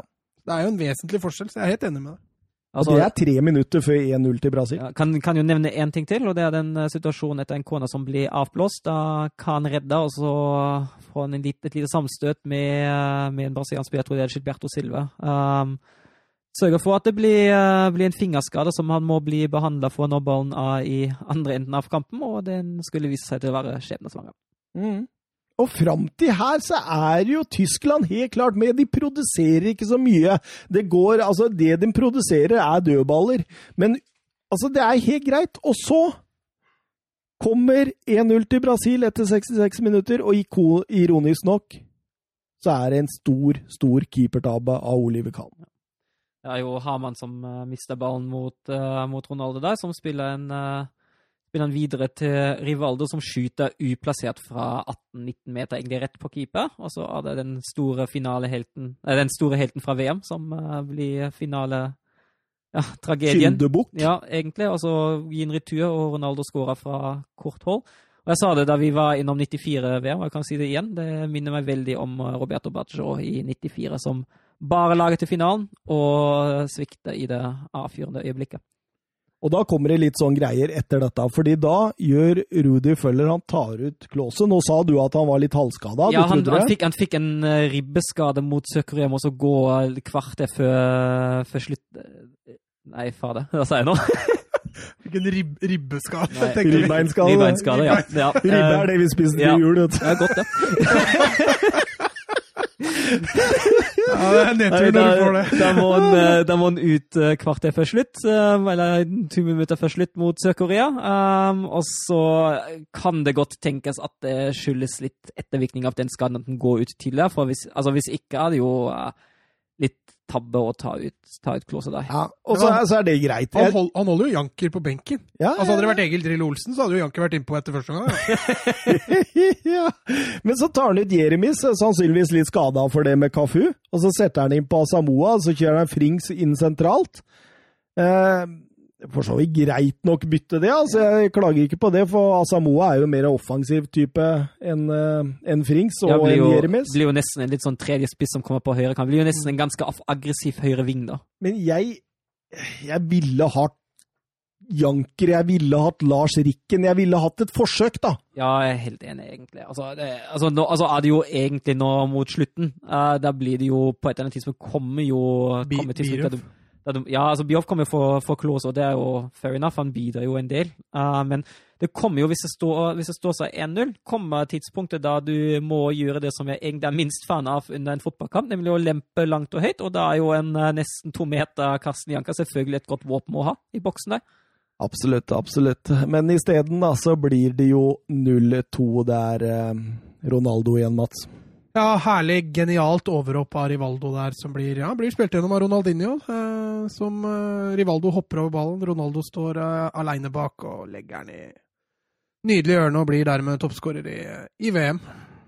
Da legger Brasil seg dypt. Mm. Da vil de ikke spille mer. Da er og da, da inviterer jo Tyskland inn, og de har jo faktisk noen sjanser mot slutten her. Ja, det er jo, den største er jo Bierhoff. Da Frings slår et innlegg fra høyre, og Bierhoff tar den på første touch. Og det er jo strålende redning av Marcos igjen, som uh, spiller en god finale. Ja, og så har du Metzelder helt på slutten. Ja, Ja. Der blir han overraska Ja. for at Birov Jo. ikke er på han, altså. Men en spiss der som tror han får kula Ja, Metzelder. Ja, det er Metzelder som får den. Altså, Liksom. altså er en 21 år gammel midtstopper som, som får den, så det ja. Hadde det vært eh, ja, Jeg skal kanskje ikke trekke fram Bierhoff, da. Hadde det vært Klause, da, så hadde det antageligvis vært mål. Ja, trolig. Trolig. For der Og det, det var litt sånn der, da, i det brasilianske forsvaret, at det var liksom markeringstrøbbel i, i enkelte faser av dette spillet. Men jeg syns det gjaldt store deler av turneringa generelt. Da. Mye svak markeringsspill. Brasil vinner 2-0. Ronaldo toppskårer. Cafu løfter trofeet i sin tredje finale på rad. Eh, Han løfter Ja. ikke I sin tredje finale på rad, Ja, så får han løfta, men han har ikke løfta det i tre. Nei, i tre finaler på rad har han ikke løfta det. Men han vil konstatere at det, er sånn, sett under ett var det fortjent, og verd, i hvert fall verdig verdensmester, og det er fortjent at Brasil vinner mesterskapet til slutt. Til Det er jeg for så vidt enig i. Ja. til tross for litt trøbbel underveis. Ja, men det har alle de som vinner. Har litt trøbbel. Ja, det er sjelden man går feilfritt gjennom eh, hel, eh, et helt VM. Det er, blir jo bare flere og flere kamper i VM, og, Ja. og at man snubler litt, det er for så vidt greit. Men den offensiven til Brasil var det var ingen andre nasjoner som var Tenk hvis de utvider. VM til 64 lag, og da sitter vi her en hel dag og snakker. Ja, men da er forhåpentligvis koronaen ferdig. da slipper vi det. Eh, banens beste, vi må ta det til slutt. Eh, kan du begynne, Mats? Ja. Ja, altså jeg har lyst til å ta Ronaldinho, men jeg, jeg kjørte Ronaldo. Jeg Turte ikke noe annet. Han er jo tomålsskårer og tungen på vektskåla for dette, dette brasilianske laget som vinner til slutt.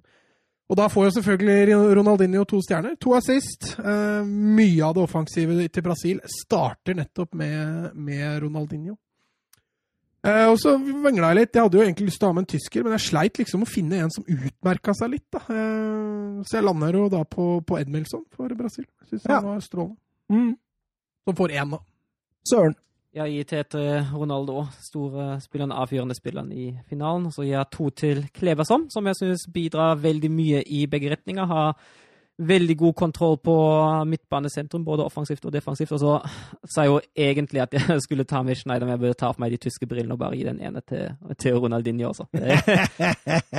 Det, det er deilig. Det er deilig.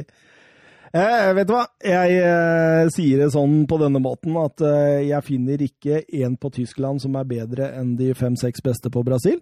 Eh, dog eh, litt skuffa over både Carlos og Cafu. Syns de var veldig defensive. Eh, det, det, det virka som at eh, Tyskland åpna veldig mye med å komme merka du at de skulle inn bak dem. At de blei veldig defensive. Ja, bak av- bekkene, ja. Men, men det var nok litt bevisst. Men sånn spilte jo Tyskland mye under hele mesterskapet. Mm. ja, og det var, det var altså, Jeg syns egentlig det laget som uh, USA mot USA var jo fullstendig invasjon, men eh, det laget som først, Tyskland først kom seg i angrep, var det laget som klarte best å stå imot det. da. Det var egentlig Sør-Korea som som hadde god kontroll på, på de tyske vingangrepsforsøkene. Ja, Mm.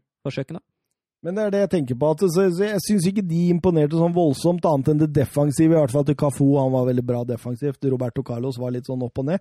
Men eh, Og, og Brasil-forsvaret Jeg tenkte litt sånn Edmilson, jeg òg. Men så, så var det sånn der ah, Det er så mye enkle markeringsfeil baki der fra hele gjengen.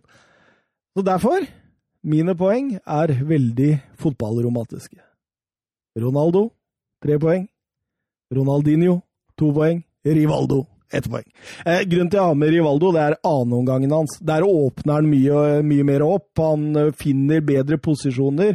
Han har skuddet som gir retur på 1-0, han har overhoppet på 2-0, og, og, og syns han leverte en bra annenomgang. En litt dårligere førsteomgang, men de tre r-er, banens beste, det låt deilig for meg.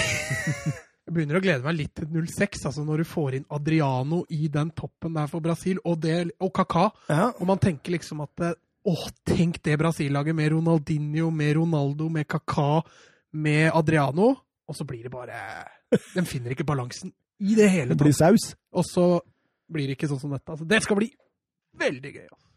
Da gratulerer vi Brasil med VM-gull for 18 år siden, og så, og så sender vi Søren på toget, og jeg og Mats vi sitter vel her en halvtime, tre kvarter og legger ut episoden. Ja.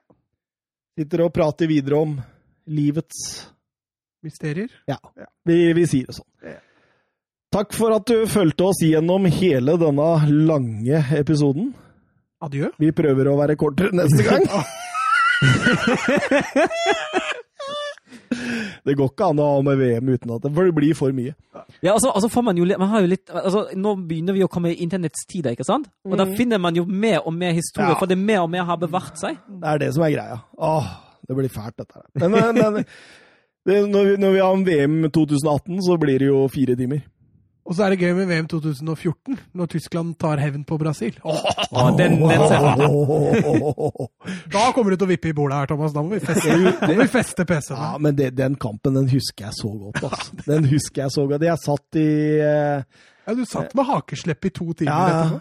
Og jeg, jeg husker, altså det, det var hele alt som skjedde, fordi vi var på sommerferie i, eh, i Kristiansand. Ute på en sånn der uh, liten øy langt ute i Gok.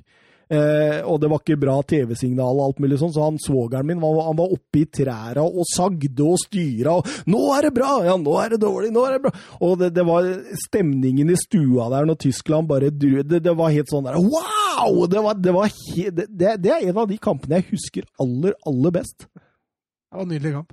Veldig nydelig. Ja. Ha det bra! Ha det. Adjø.